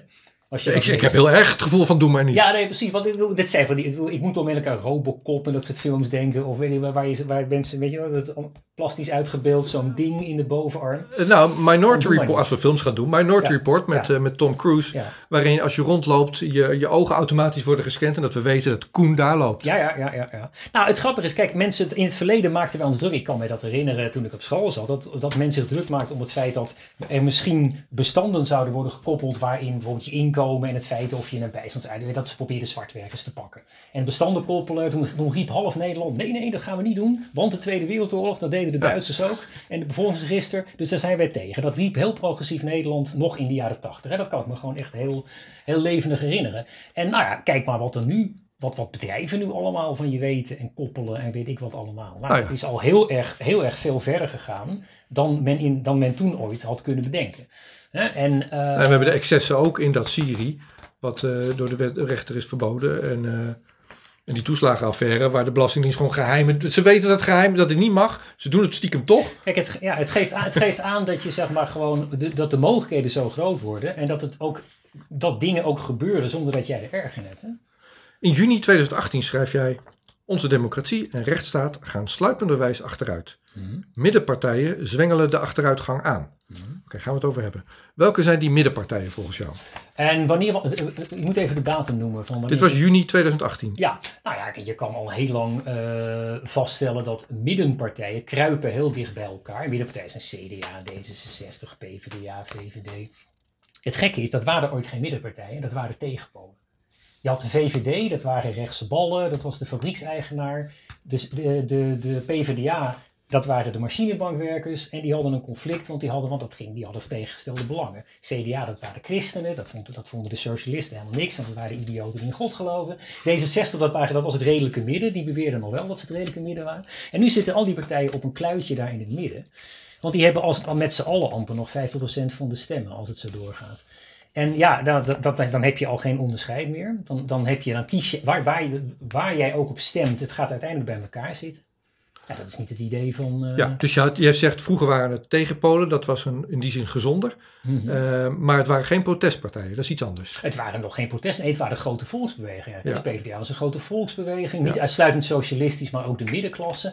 Het CDA, dat waren al okay. de christelijke partijen van vroeger, dat ook een volksbeweging. De VVD, dat was de bezittende klasse, okay. zeg maar. Om het even en, en daar is in, in, jouw woorden, want ik refereer aan dat artikel, is er iets bijgekomen en dat zijn protestpartijen. Ja. En je noemt ze PVV en Forum voor Democratie. In de SP en, en, en, en je kan er nu nog veel meer bij donderen. De oudere partij, de Partij voor de Dieren. Zijn dat? Ja, oké. Okay. Dat, zijn, dat zijn in die definitie ook protestpartijen. Ja, one-issue protestpartijen eigenlijk. Hè? Ja. ja, ik vraag me af of ze zichzelf zo zien. Maar dat maakt niet uit. Je zegt dat zijn symptomen van het probleem. De protestpartijen zijn symptomen van het probleem, niet de oorzaak. -hmm. Vroeger of later komen protestpartijen in het centrum van de macht terecht. -hmm is D66 misschien een leuk voorbeeld daarvan. Dat was heel bevlogen in 66. Ja, ja, ja, ja. ja. In ieder geval, maar goed. Verwacht u overigens niet dat protestpartijen de afbraak van de democratie en de rechtsstaat zullen terugdraaien? Kurz in Oostenrijk, Salvini in Italië, Orbán in Hongarije maken daar ook geen aanstalten toe. Instrumentarium voor repressie is door de middenpartijen gereed gemaakt en ligt klaar om op dag 1 van de wisseling van uh, ligt klaar op dag 1 van de wisseling van de wacht. Nou ja, het beste argument tegen het geven van meer bevoegdheden aan politici op dit moment. Uh, bijvoorbeeld dat ze van alles van jou mogen, mogen weten wat jij niet wil, is dat als uh, er iemand aan de macht komt die jij nog veel erger vindt, dat die dan ook alles van jou weet. Dus als je, het, als je jezelf heel veel bevoegdheden geeft als politicus en je wordt weggestemd, dan komt die andere die jij verschrikkelijk vindt en die heeft ook die bevoegdheden. Ja, dus ik zou verwachten van iemand als Mark Rutte dat hij zegt: Ik doe even transparant over wat ik in januari en februari heb overlegd over mijn coronamaatregelen. En ik, neem een wet aan die zegt: uh, en Ik ga sowieso de wet openbaarheid van bestuur uitvoeren. uitvoeren. en ik ga die natuurlijk publiceren. En dat leg ik ook in de wet vast. Maar niets van dat alles. Kijk, uh, openheid vind ik altijd goed. Uh, er zijn altijd grenzen aan natuurlijk. Maar het, is, uh, het, is, het, is, het gaat erom dat, kijk, wat, je nu, wat, wat, ik, wat ik daar schreef over ja. die, die middenpartijen. Kijk, het is al heel lang aan de hand dat mensen onzeker zijn over dingen, niet tevreden zijn met, met de, de, de koers van de traditionele partijen, die, die we dan nu opeens middenpartijen zouden noemen. En, en dat uiten via het stemmen op, op het zij de SP, het zij de FVD, de PVV. En dan, en dan wat gebeurt er dan? Dan worden die partijen verketterd, hè, want die zijn dan populistisch of te, te radicaal en die snappen het niet en die tasten het systeem aan. Uh, maar dat systeem, dus die partijen, die partijen veroorzaken niet de onrust, die zijn er een uiting van. Ja. Maar dat systeem, dat heeft er juist voor gezorgd, de, de, de, algemene trend heeft ervoor gezorgd, dat veel mensen zich onrustig eh, voelen en, en hun sociaal-economische positie bijvoorbeeld Als ik aan, aangetast voelen. Zich daarin aangetast voelen. Ja. Als ik aan protestpartijen denk, dan denk ik niet aan, uh, aan 50 plus of aan... Uh, nou ja, het is protestpartij tegen het feit dat, dat, dat de pensioenleeftijd omhoog moest. En ze zeggen, ja, blijf van onze pensioenen af. Nee, maar jij vindt ze misschien niet radicaal genoeg. Ja, dat is het misschien. Je vindt het een slap zootje. En, en kijk, en, en, men, en Mark Rutte kan, kan lachen, want ze, maken, want ze zijn alleen maar ruzie met elkaar aan het maken. Nou ja, dat is het ding. Maar we moeten, het gaat ook niet om, zeer om de persoon Rutte. Het gaat om degene die op, op enig moment aan de macht is. Dat ja. is dat nu Rutte, maar dat had ja. ook iemand anders kunnen ja, zijn. om de partij. Die vindt het prachtig als de oppositie alleen maar ruzie maakt. Want dan hebben ze het veel makkelijker. Dus, uh, en het is ook natuurlijk heel, een standaard reflex is om te zeggen dat de partijen die nieuw zijn, ja, dat zijn nieuwkomers. Wat ik dus zou verwachten van die oppositie, want die oppositie, dat zijn die, die dingen helemaal aan de rand. Ja, en de SP staat echt haaks, enorm haaks tegenover Forum en, en PVV. Ja. Maar tegelijkertijd zijn ze wel kritisch, dat was in die Forum voor Democratie en, uh, en de Socialistische Partij, die, die delen de visie op de Europese Unie. Van nou, dat gaat niet goed zoals ja, we dat doen. Ja, er zijn ook wel overeenkomsten hoor. Dus inderdaad, er Precies. zijn, er zijn inhoud, in, inhoudstechnisch zijn er best wel veel. Maar je zou verwachten van al die ja. fringe, al die dingen aan de, aan de, aan de rand, dus niet in de, in de kern van de macht, niet, niet die middenpartij, maar aan de rand, dat die dan dingen als grondrechten en transparantie samen zouden omarmen. Dat, dat, dat zou heel mooi zijn. En incident, kijk, over het vorm van democratie kan je van alles zeggen. Maar wat er af en toe bij het vorm van democratie zeker gebeurt, is dat ze daarop wijzen. Ze wijzen op nepnieuwsbevrijding, zijn ze tegen. Ze zijn heel fel tegen de plannen van Longren, waar je het eerder over had. Dus dat zijn allemaal authentieke, authentieke elementen van... hé, hey, regering, blijf van, onze, blijf van onze recht af. Vorm van democratie roept ook weer andere dingen... die weer een andere kant op wijzen. SP heeft ook nog wel eens daar dat commentaar op. Maar ik vind het bij de SP af en toe ook ook niet altijd consequent. Ik bedoel, je hoort ze niet elke keer over burgerrechten, toch, de SP. Ze hebben het heel vaak over sociaal-economische dingen, inkomensverdeling. Maar ook niet altijd consequent op burgerrechten. Zoals al die partijen aan de buitenkant dat niet altijd consequent zijn. Nou, dit is mijn ding. Ik bedoel, ik vraag je niet als politiek analist, maar ik zit daar wel dus mee. Hmm. Van, oh jee, er komen weer verkiezingen aan, 2021 maart. In maart 2021. Welk, en, en mijn, dus die aantasting van burgerrechten, eh, dan ben je weer op privacy en, en andere burgerrechten. Dat zie ik als, als de grootste bedreiging. En ik zou niet weten welke partij daar nou voor opkomt dan. Nou, dat is een, is een, je noemt daar een heel goed punt. Kijk, als je nou zeg maar zuinig bent op de, op, de, op, de, op de grondrechten, op de grondwet, op de democratie, op de parlementaire democratie, op het pluralisme, op de vrijheid van meningsuiting, waar moet je dan op stemmen? ja, dat is mijn vraag. Ik, ik, ik ga geen stemadvies geven, dat doe ik nooit. Dan, eh, misschien aan mijn vrienden als, het, als ze het vragen en als ze het, echt, en ze het echt niet weten. Maar ik vind dat moet iedereen zelf uitmaken. Maar eh, het is gewoon moeilijk. Het is lastig om een partij te vinden die consequent is op dit vlak. Ja, ja, zeker. Ja.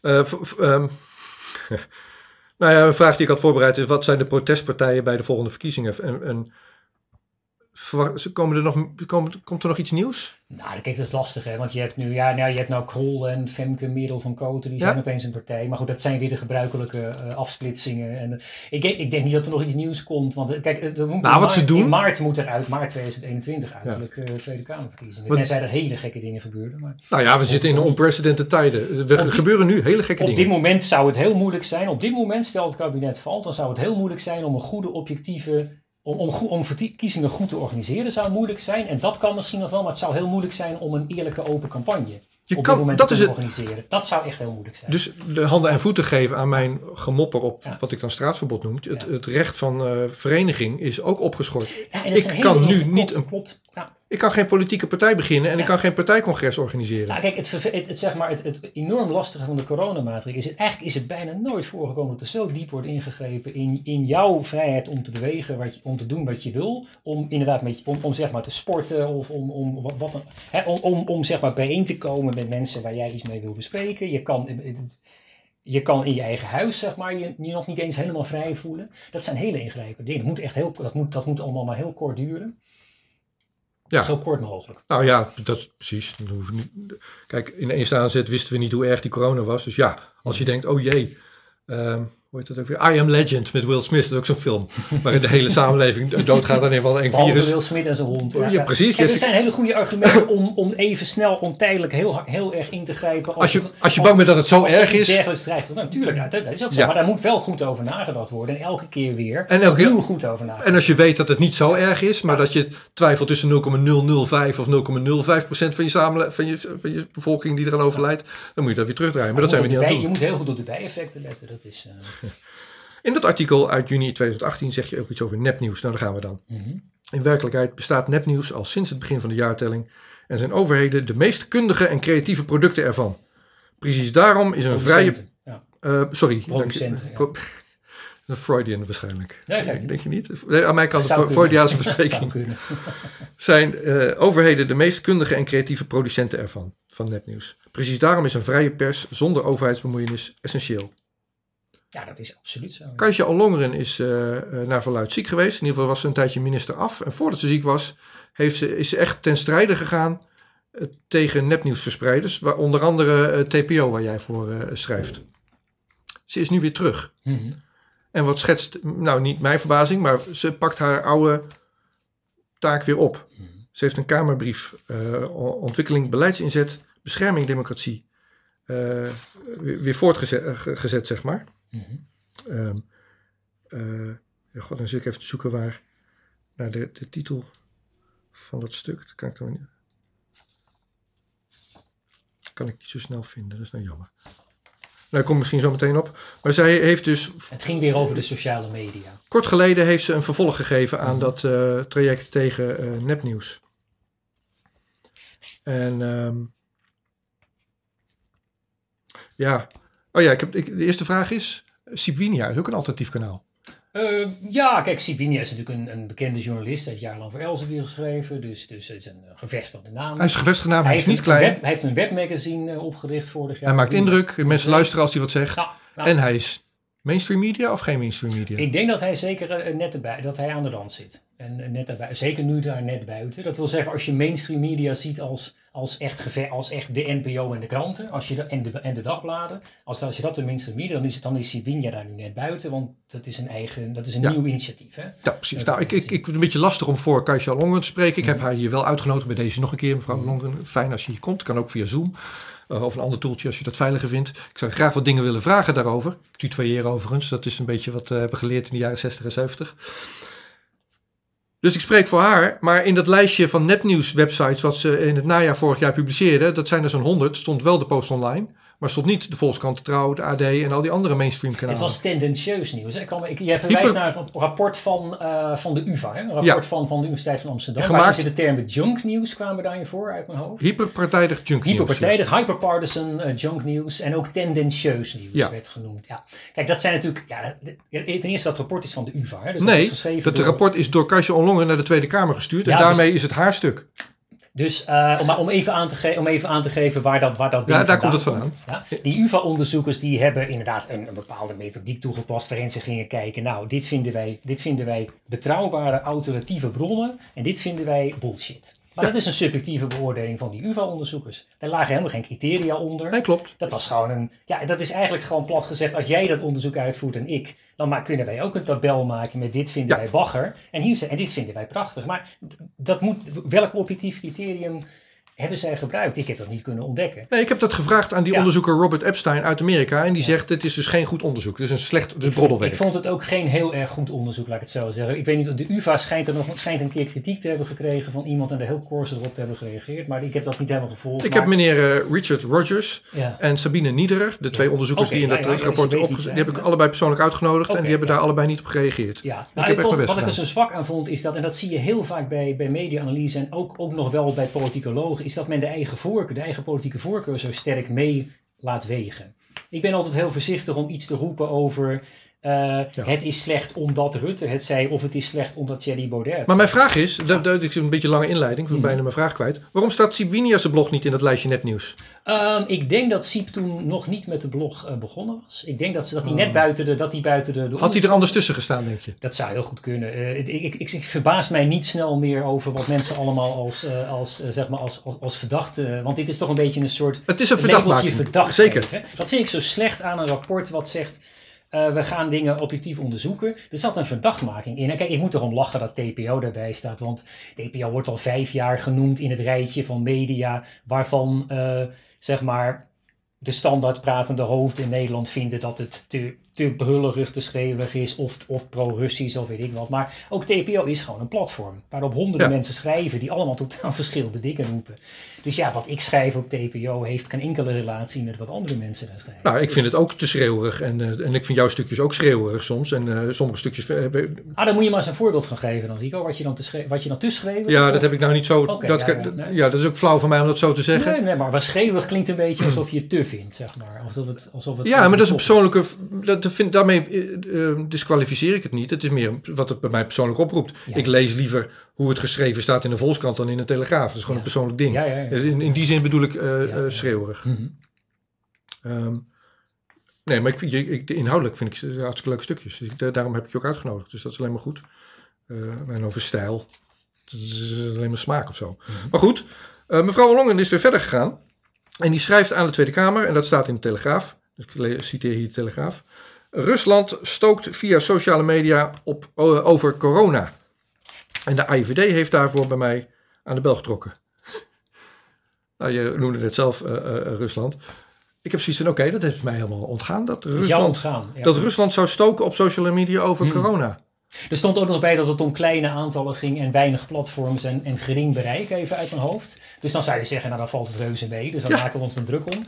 En dit, ik vind het een grappig, voor, ik vind het een goed voorbeeld dat je dit noemt, want het viel mij op dat, uh, kijk, corona is, is een gezondheidsding. Ik vind ook dat we er, ik vind het terecht dat er heel veel aan gedaan wordt. Ik was zelf ook echt wel een voorstander van, doe maar die kroegen dicht en die restaurants even, want Ik, Je kan niet hoeft weten. niet met 300 man in een zaal te gaan, te, te gaan springen, want dat zou inderdaad best eens, best eens, zeg maar, heel, besmettelijk, heel, heel goed kunnen zijn voor de verspreiding van het virus. Dus dat wil je niet. Maar wat heeft het in vredesnaam met Rusland te maken? En het viel me op dat binnen een week las ik in Trouw en in Algemeen Dagblad en andere, las ik allerlei mensen die zeiden, oh, hier gaat Rusland van profiteren. Of hier gaat, en dan denk ik, ja, wat, het, het, het is opvallend. Dat, zou dan, dat is ten eerste dan ook- wel heel verdomd snel, binnen drie dagen. Maar het, het, men springt in één keer van, er is een politieke crisis, naar hoppakee, er is weer iets met Rusland. Ja, En dat iets met Rusland werd helemaal niet onderbouwd. Dat werd helemaal niet aangetoond. Dat werd helemaal niet, niet uitgelegd. Dat Nee, was ja, gewoon precies. een soort loze kreet die opeens in de lucht hangt. de reden dat Kajsa Ollongren dat nepnieuwsrapport is laten, heeft laten maken door de UvA... is omdat ze met een Kamermotie op pad is gestuurd een jaar eerder... om te gaan kijken of onze verkiezingen door het buitenland zijn beïnvloed. En ehm, dat komt weer uit de Verenigde Staten... waarin lang werd gezegd dat vanuit Rusland... de verkiezingen in de Verenigde Staten werden beïnvloed. Mhm, Zeker. Ja. Nou, toen werd er door de onze Tweede Kamer maakte zich zorgen. Oh, gebeurt dat nou bij ons ook? Kajsa, zoek dat eens uit. Nou, ze ging naar de UvA. Jongens, zoek dat eens voor me uit. En ze zeiden in dat rapport, nou, hebben we niet gevonden. Maar ik- jij voelt je waarschijnlijk ook aangesproken. Jij stond zelf in dat rapport, hè? Kan ik me herinneren. Nee, positief. Pop- podcast Oh, staat stond po- positief. jij stond Ik sta, ja. Winia, dat vind ik het leuke. Ja. Winia stond er niet in. Ik stond Nee, er wel in. En, en, en, en wat werd er over jou gezegd? Want ik, ik heb dat toen wel gelezen, maar ik weet niet meer precies wat, wat er over jou Ik weet het ook niet letterlijk, maar Ja. wat, ik, ik heb een slogan. Ja. Ehm, eh, om bij de echte verhaal te komen, moet je gewoon je eigen journalist uithangen. Ik doe nu eh, vrij vertaald, ik, weet de precieze woorden niet. Maar je moet zelf de journalist uithangen en je informeren uit verschillende nieuwsbronnen. En daar moet je dan zelf de bak van maken. Cut through the smoke and the mirrors.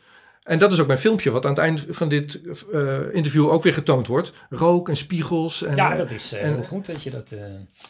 dat is het ding. Je moet je eigen doet. journalist uit en ze citeren dat. Ja. Dus to get to the truth, you have to cut to the smoke and mirrors. Dus ik was helemaal positief verrast dat sowieso mijn hele kleine podcast daarin genoemd werd. Over Café Weltsmes was men bijvoorbeeld ook een beetje, een beetje half-half. hè. Dat was, het werd wel genoemd als, een, als, een, het werd genoemd als iets, die, als iets wat, wat vrij verschil, pluriform was nog. Dat vond ik dan ook wel weer grappig. Ik eh, dat stond maar met die corona is. Dan zit er een kriebelhoesje in mijn keel omdat we zo enthousiast praten. En dan durf ik niet te hoesten. Dus even deze kant op hoesten. Zo, Heel sorry. goed, heel goed. En eh. Maar ik... ehm nou, ik maak me daar de zorgen om. Welke vraag jij bezig Ik ga nu naar Ollongren toe, want ze, Hmm. ze pakt haar oude taak weer op. En ik voorzie, ik maak me zorgen om een censuurdrift daar. Waarom maken we een lijstje van 100 nepnieuwsites en als deze minister weer terugkomt, pakken we dat weer op? Daar maak ik mij zorgen om. Want de controlerende taak van, van, van, van- namens de samenleving is niet alleen de Tweede Kamer, waar we net ook kritisch over waren, maar is ook de media. En als je die uitzet, ja, dan houdt het een beetje op. Ja, en wat er tot nu toe gebeurt in de plannen van met name... Dit, dit, dit is allemaal Europese Unie gedreven, hè, moet je begrijpen. Dus die, die dingen, die zaken die nu... Ja, dat zei je net ook. Het is Maar de Europese Unie gedreven, want de Europese Commissie houdt zich hier heel duidelijk mee bezig en is bezig Ja. met het. En in andere Europese landen gaat het al veel verder. In Frankrijk bijvoorbeeld, ook in, ook in, in Duitsland, waar er een wet was die, die eh, platforms kan dwingen onder hoge boetes om content weg te halen. En zelfs in, in het Verenigd Koninkrijk, waar ze nou de Europese Unie hebben verlaten, daar doen ze het ook. Maar eh, de tendens is om te gaan kijken van wat kunnen we, de, wat kunnen we ervan vinden. Van, eh, van, van, van, eh, vanuit de kant van, eh, van het gezag, van nieuws. Nou, dat is al raar, want waar moet je er iets van vinden? Je hoeft er niks van te vinden.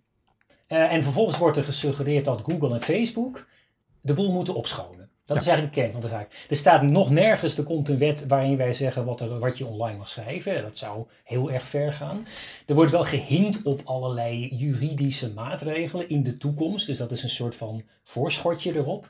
Maar feitelijk wordt de, de kern van de zaak is dat men zegt, nou Google, Facebook en al die andere platforms, die krijgen een hint en die moeten gewoon dingen eraf lazen. En Ja. dat gebeurt ook, want YouTube heeft al gezegd, wij gaan alles eraf sodemieteren, wat niet conform eh, de World Health Organization is. precies Dat dat. heeft de CEO van, eh, van YouTube gezegd. Ja, ik maak me in die zin ook wel een beetje zorgen om platforms zoals Weltsmes, die daar helemaal vol op het orgel gaan. Ik bedoel, eh, YouTube zit nu dat soort filmpjes te wissen. Ik, ik weet niet of, welke, welke video's eh er gewist zijn van Weltsmes bijvoorbeeld. Of, of, Nee, welke... niet, dat nog niet. Nee, Maar... nee, nou, nee, precies. Maar je kunt ook demonetizen, dus de advertenties uitzetten bij bepaalde content. Ja, en wat die Google-klokkenluider zei, is Ja. Google heeft een geheim algoritme dat bepaalt wat je volgende filmpje wordt. Dat is ook zo, ja. Dat kan iedereen vaststellen. Want, want dat is altijd enigszins in lijn met... dat- Er zit altijd een bepaalde logica in, maar die is voor iedereen anders. Ja, die is voor iedereen anders. En op basis van wat de inhoud van het filmpje is, wordt die ook eh, aangepast. Ja. Maar nou, ik wil terug naar ehm, wat de moti- motivatiereden van eh Kajsa Ollongren is. En ik zou het nogmaals graag, graag persoonlijk vragen. Maar dat staat wel in, dat, eh, in die Kamerbrief. Namelijk, Een inhoudelijke regulering van desinformatie zou alleen gericht moeten zijn op eh, informatie op basis van de bescherming van de rechten van anderen. Zoals reputatie, privacy of waardigheid. Dat is een heel, klinkt heel mooi. Dat is een mooie zin. Maar dan komt de echte ding. Of een legitiem overheidsbelang, zoals het voorkomen van wanorde.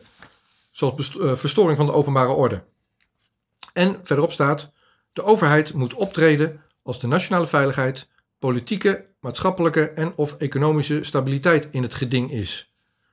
Dat is volgens mij een hele belangrijke, daar wil ik je op vragen te, te reageren. De overheid moet optreden als de nationale veiligheid, politieke, maatschappelijke en of economische stabiliteit in het geding is. Ik zou het punt willen maken dat nu in ieder geval de maatschappelijke en de economische stabiliteit in het geding is.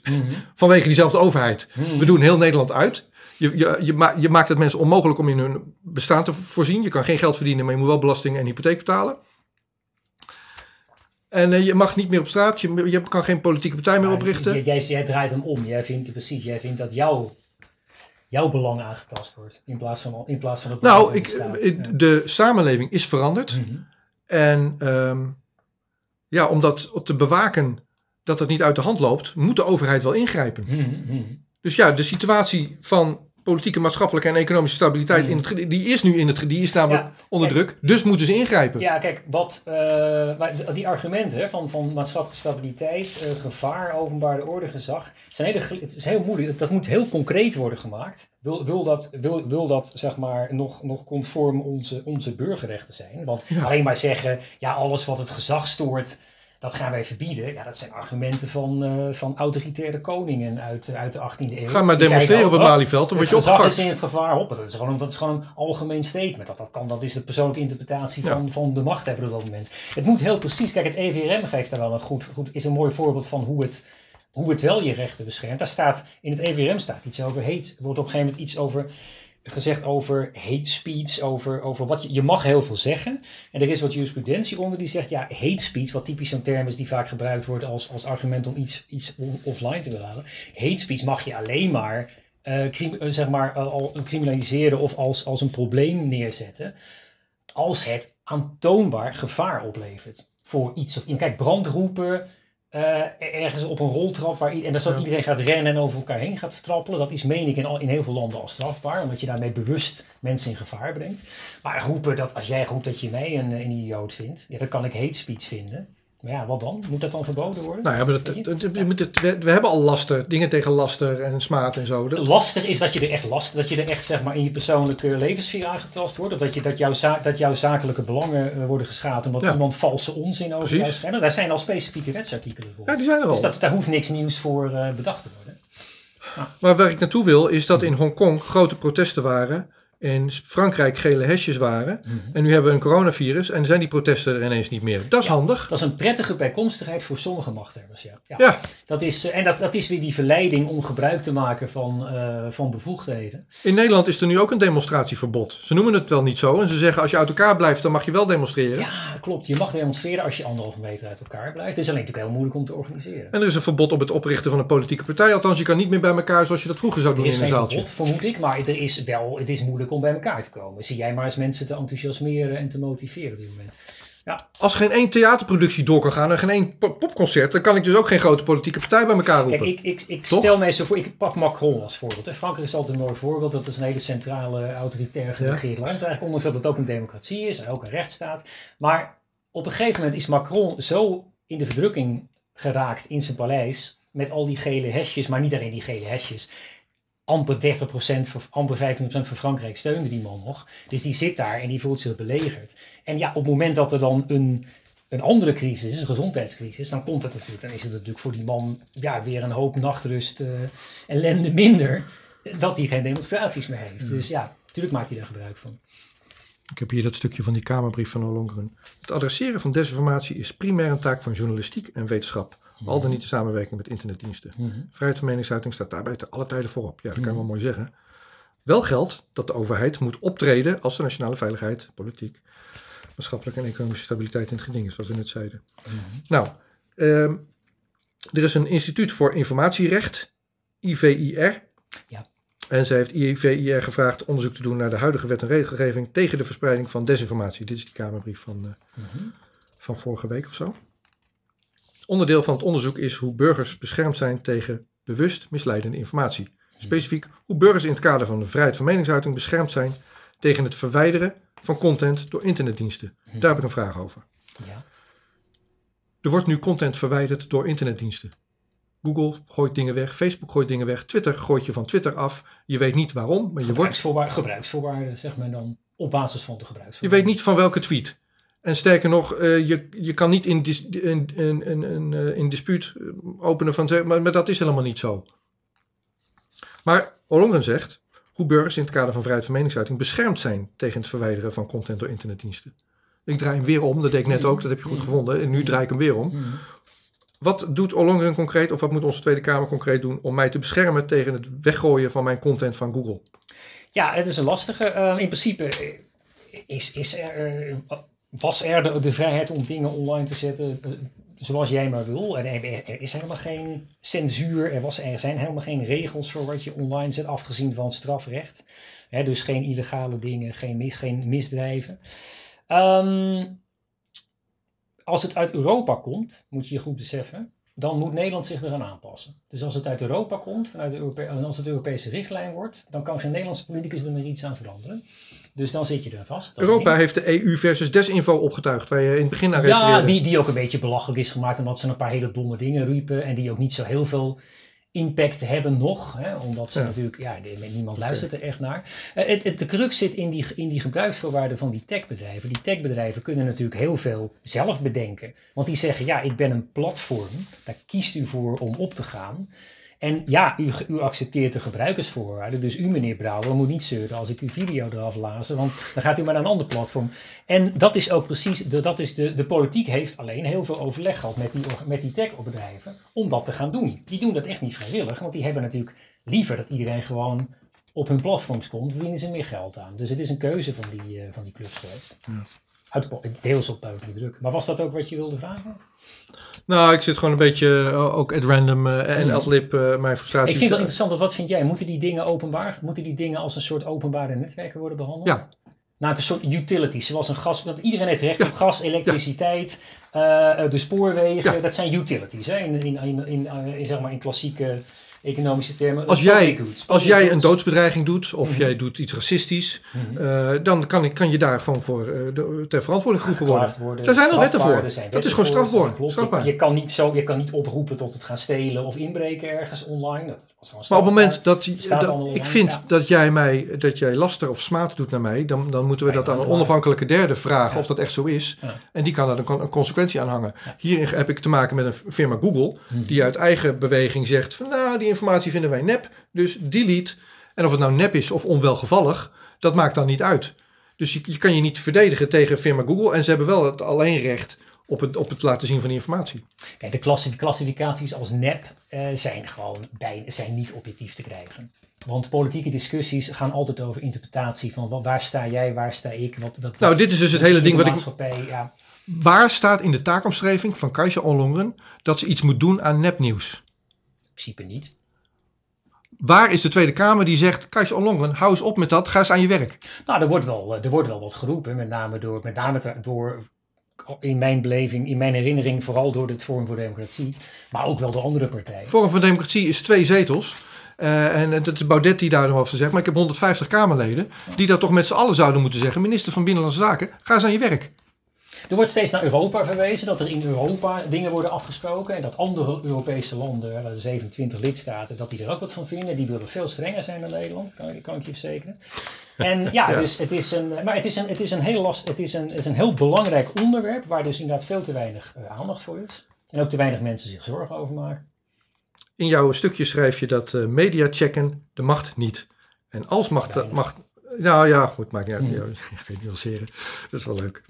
Eh, media checken de macht niet. En als machthebbers straffeloos kunnen morrelen aan essentiële burgerrechten als persvrijheid en de vrijheid van een impopulaire mening uiten, eh, betekent dat een regelrechte aantasting van de liberale democratie. Dus ja, ehm, als, als machthebbers straffeloos kunnen morrelen aan essentiële burgerrechten of er niet voor opkomen.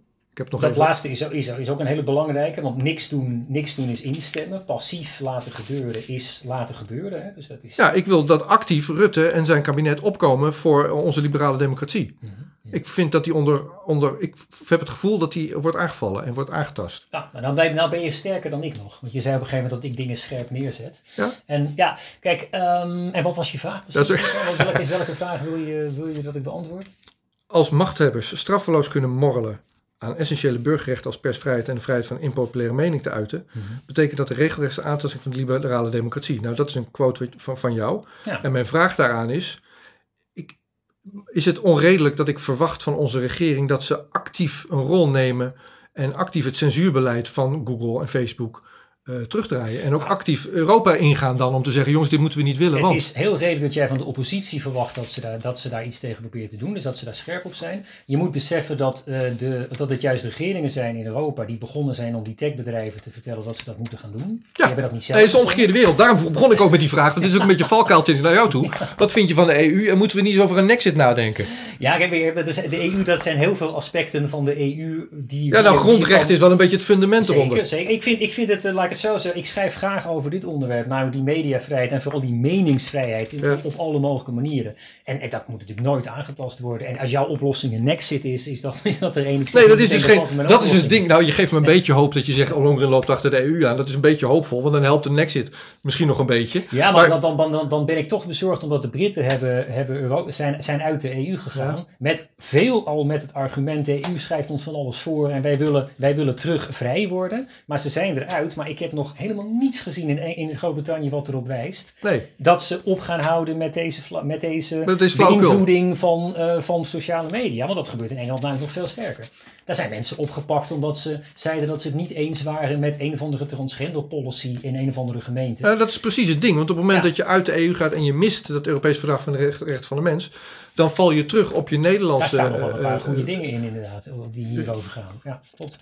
Nou, En de Nederlandse rechten moeten beschermd En worden. weet je wat zo leuk is? Die Pieter Hitchens waar we eerder over hadden, die jij geïnterviewd hebt over Syrië. Die man zit al, die man die gaat altijd, altijd heel diep in op dit soort issues. Die zei op een gegeven moment van, ik ben bang, Hitchens, Ja? dat ik nog in mijn leven, die man is eh, geloof ik 76, hij zegt ik Oh, word ja? nog wel een keer opgepakt voor mijn mening, had die Hitchens gezegd. Hij verwacht nog wel dat hij een keer gearresteerd wordt voor zijn mening in Engeland. Omdat hij conservatief is en heel erg tegen de, tegen de, de hoofdstroom gaat. Ik wist niet dat hij zo oud was. Dat vind ik ook wel weer leuk. Hij was heel. eh, dat is mijn Kijk, vooroordeel. en het gaat er niet om of jij het eens bent met die Hitchens en of jij ook vindt dat, dat ik gelijk heb. Maar het gaat erom dat, eh, dat, je daar, dat je daar niet bang voor hoeft te zijn om dat te zeggen, om, om dat te uiten. We gaan, eh, we gaan naar het, naar het la- laatste stukje toe. In juni vorig jaar schrijf je over een Italië-moment. En Wat je daarmee bedoelt, Ja, is als die middenpartij dat toch een beetje één pot nat is in Nederland. De CV CDA, VVD, GroenLinks, een beetje de D66. Dat lijkt een beetje meer op. Het lijkt op verschillende wasmiddelen uit dezelfde henkelfabriek, zou ik maar zeggen. Dat is een beetje in mijn woorden. Totdat ze minder dan 50% van de stemmen hebben. ja. Dat is wat je meer- want dan kan je meerderheid meer En dan krijg je meerderheid meer dan is, het, dan is het, ja, dan gebeurt er, dat, dat is het Italië-moment. Ja, en je, je, je zegt er ook bij van, van, wacht even, dat is een woord dat Sibinia heeft verzonnen. Maar een, eh een eenpartijstaat, zoals we die nu hebben, die minder dan 50% van de stemmen haalt.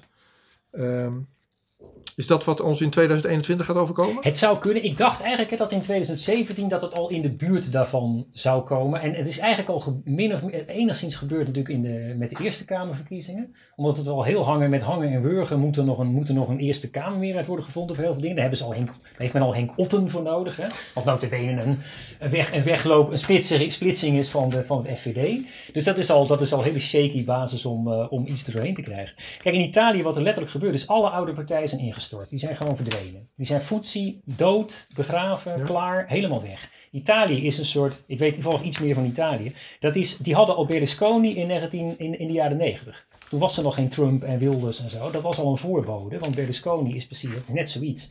En die hebben nu dus alle oude partijen, die kunnen bij elkaar genomen, is dat helemaal niks meer. Alles, alles wat daar zit, wat de meerderheid is, dat is Vijf Sterrenbeweging, eh Forza Italia nog van Berlusconi, dat is Salvini, dat is Fratelli, dat is allemaal nieuw. Dat is allemaal FVD, PVV en niet eens SP, maar misschien nog wel, wel linkse. Moet je je voorstellen dat dat in Nederland zo zou zijn. Dan zou het Italië-moment zijn. Ja, nou, ik, PVDA ik zie dat nu wel als een, en D66 40 zetels hebben met z'n allen. ik zie dat nu wel als een hoopvol scenario. Dat er in ieder geval meer dingen opkomen dat je een beetje wat te kiezen hebt. En dat ze weer net als vroeger wat je zei. Toen de, de, de VVD en de PvdA nog een, een idealistische partij waren die, die koppen tegen elkaar de- Dat waren deden. Ja, dat waren oppo- opponenten die, eh, die, die vertegenwoordigden toen ook heel veel mensen. En dat is, dat is nu een stuk minder natuurlijk. Te vrezen valt dat zowel het elitaire midden van Rutte en Klaver als het nieuw rechts van Baudet onder druk van de toenemende sociaal-economische spanning hun vertrouwen in de democratie kwijt gaan raken. Andere- ik denk dat je bedoelt, wij gaan het vertrouwen in hun kwijtraken. Eh, ja, nou kijk, er zijn een aantal dingen. Wij kunnen het vertrouwen in de democratie kwijtraken als burgers. Dat hoop ik niet, hè, want dat, wordt, dat, zou heel slecht zijn. Of ik heel blij zou worden van, van, eh, van een meerderheid van die nieuwe partijen die we nu hebben in Nederland, weet ik ook niet. Want ze zijn er nooit aan de macht geweest, daar moet je ze altijd door beoordelen. Ehm, dat zou ook namelijk heel, heel verkeerd kunnen uitpakken. Ehm, het belangrijkste is dat partijen die in gevaar komen en dat ze geen meerderheden meer kunnen halen, die kunnen ondemocratisch worden om aan de macht te blijven. Die kunnen vervelende, ne- vervelende neigingen gaan vertonen. D66 die het EU-lidmaatschap in de grondwet wil opnemen. Nou, kijk, D66 was een intellectueel gebeuren. waren, waren progressieve journalisten in Amsterdam die gezellig in, in Café Scheltema zaten te filosoferen over een betere wereld. En het is nu 180 graden omgedraaid. Na de Wall Street crash van 1929 zagen we dat eerder. Velen gaven het basisidee van de democratie op. Ja. Onze vorstin Wilhelmina voorop. Dat beseffen mensen nog wel eens niet, maar er waren heel veel mensen die de democratie wilden afschaffen. En dat was, dat was inderdaad onder andere koningin Wilhelmina, die vond het maar een stelletje oude, oude, oude hoerders daar in het parlement. Dat moest allemaal veel, veel strakker. Nu hebben we een nieuwe crash en een nieuwe depressie. En eh, zo zie ik het in ieder geval. En als de rook is opgetrokken zometeen en Prinsjesdag is er... en Wopke Hoekstra komt met zijn koffertje en zegt... nou, ik heb echt eigenlijk niet zo heel goed nieuws. Ehm, kan, je dat in kan je wat er nu gebeurt in perspectief plaatsen van, eh, van 1929 en wat voor ons Ja, ligt? ik ben altijd heel voorzichtig met die jaren 30 vergelijking. Omdat het zo uitgekoud is om te roepen de jaren 30. En dan komen de, de marcherende laarzen en zo. Ik, ik weet niet wat er gebeurt. Feit is wel dat corona... natuurlijk- Kijk, je had 2008 financiële crisis. Dat was heel ingrijpend voor heel veel mensen. Daar komt ook heel veel van de onrust vandaan. Want het is veel ingrijpender geweest voor lagere en, en middeninkomens dan, dan, dan we nog wel eens beseffen. Nou, er komt nu weer iets aan. Ja, instabiliteit. Ik bedoel, mensen worden weer onrustig. eh, en partijen kunnen gekke dingen gaan doen. Nee, je hoeft het Nee. niet te hebben over eh, eh, die Godwin die we net ook niet maakten. Nee. Gaan we nou weer niet doen. Nee, nee, nee, nee. Maar in de jaren 30, eh, dat was niet de periode waarin burgerrechten en democratie nou groeiden. Nee, alleen maar, dat werd alleen maar. Dat, dat kwam onder druk te staan. Er was zelfs een soort gevoel van, nou ja, dat is ook alweer passé. We, waren toen amper-democratisch en toen was er alweer weinig vertrouwen in de democratie. Ja, dat, dat- ging dat al heel snel. Hè, het, ik- het is heel moeilijk 30 te interpreteren. Sommige mensen zeggen het is een bewuste reactionaire aanval op de democratie geweest van de macht. Nee, En andere mensen zeggen nee, het is het stomme volk. Dat achter de verkeerde dat mensen. denk ik ook niet. Volgens mij is het gewoon een gevolg van economische neergang. Nou ja, maar ik, we kunnen er in ieder geval van zeggen, economische neergang geeft eh, onrust. Ja. Hey, en doe nou eens even positief eindigen. Heb je, we gaan naar het einde toe. Wil Nou, je, ik, ik, geloof, is ik, ben nog heel, wat je... ik, ben heel, ik geloof heel erg in burgerrechten, democratie en de, en de, sli- de slimheid van mensen en, je, kun- en dingen Ja. bediscussiëren. En dat politieke partijen die komen en gaan, daar is het niet van afhankelijk. Het gaat ook, wij moeten ook blijven nadenken. Ja. Zelf politiek, heb je wel eens, kon ik wel eens op jou stemmen of niet? Nee, je hebt nooit op me kunnen stemmen. Gaat het ik nog gebeuren? eens op- ja, weet ik niet, maar... Je, Ja, je kon op mij stemmen in 2017. dat Ja, weet ik. Weet ja. Eh, nee, nee, maar er zijn, eh, je moet nooit iets uitsluiten. Maar ik ben niet eens lid van welke partij dan ook. Dus dat, Nee, ik ook niet. Heb je, is is bekend waar je op stemt of ga- is dat geheim? Eh, nee, ik zeg, ik zeg nooit waar ik allemaal op heb gestemd. En ik heb ook geen idee waar ik, waar ik bij de volgende... Nee, ik ook niet. Dat bepaal ik altijd een week van tevoren. En dan, eh, ik heb ook wel eens niet gestemd, maar dat vind ik, eigenlijk, vind ik eigenlijk een beetje jammer. Maar het is incidenteel heb ik ook wel eens niet gestemd voor lokale verkiezingen, provinciale Ja, ja, ja. staten of... eh, Nou, ik weet nog niet wat ik ga doen. Nee. Als het is zoals vandaag, dan ga ik mezelf Maar niet alleen stemmen telt. Hè. Het gaat er veel meer om dat jij altijd je mond open doet. Het is niet alleen maar... Nou, een dat doen we wel, hè? Ja, dat doe je wel, ja. Nou, vond je het leuk? Ja, ik vind het leuk. Is er nog iets niet gezegd of is het goed Eh, nou, ik vind wel, je vond wel dat jij mijn stukken zo fel vindt. Want eh, andere mensen vinden mijn stukken redelijk. Ik, ben eigenlijk, ik vind de felheid op zich helemaal geen doel op zich. Maar Ja, zoals ze in, in, in de anglo-saxische wereld schrijven, is altijd heel fel. En ik lees heel veel Ja. stukken uit die wereld. En dan is het, ik vind dat is wel, je moet dingen scherp neerzetten. Scherp neerzetten en dan redelijk, Ja, nee, redelijk debatteren. Je pakte het als, eh, als negatieve kritiek. Eh, dat is niet zoals ik het bedoelde. denk Nee, ik. ik, zeg niet dat het negatief, dat ik het negatief interpreteer. Leuk dat je er was. Ja. En ik wens je heel veel succes met, eh, met je stuk. Nog even terugpakken. Ik ga de komende maanden een serie artikelen publiceren op winiasweek.nl. Die gaan over de totalitaire tendensen die ook in Nederland zich aftekenen. Nou, ik, zie- ik zie er Het erg gaat uit. het hele jaar door. Succes man. Yes, we came, we saw, he died. Eerste liegt Every nation in every region now has a decision to make. Decision to make. Decision to make. You think I'm joking? Predator drones. You will never see it coming. Laat staan dat ik uh, kan ingaan over vuur.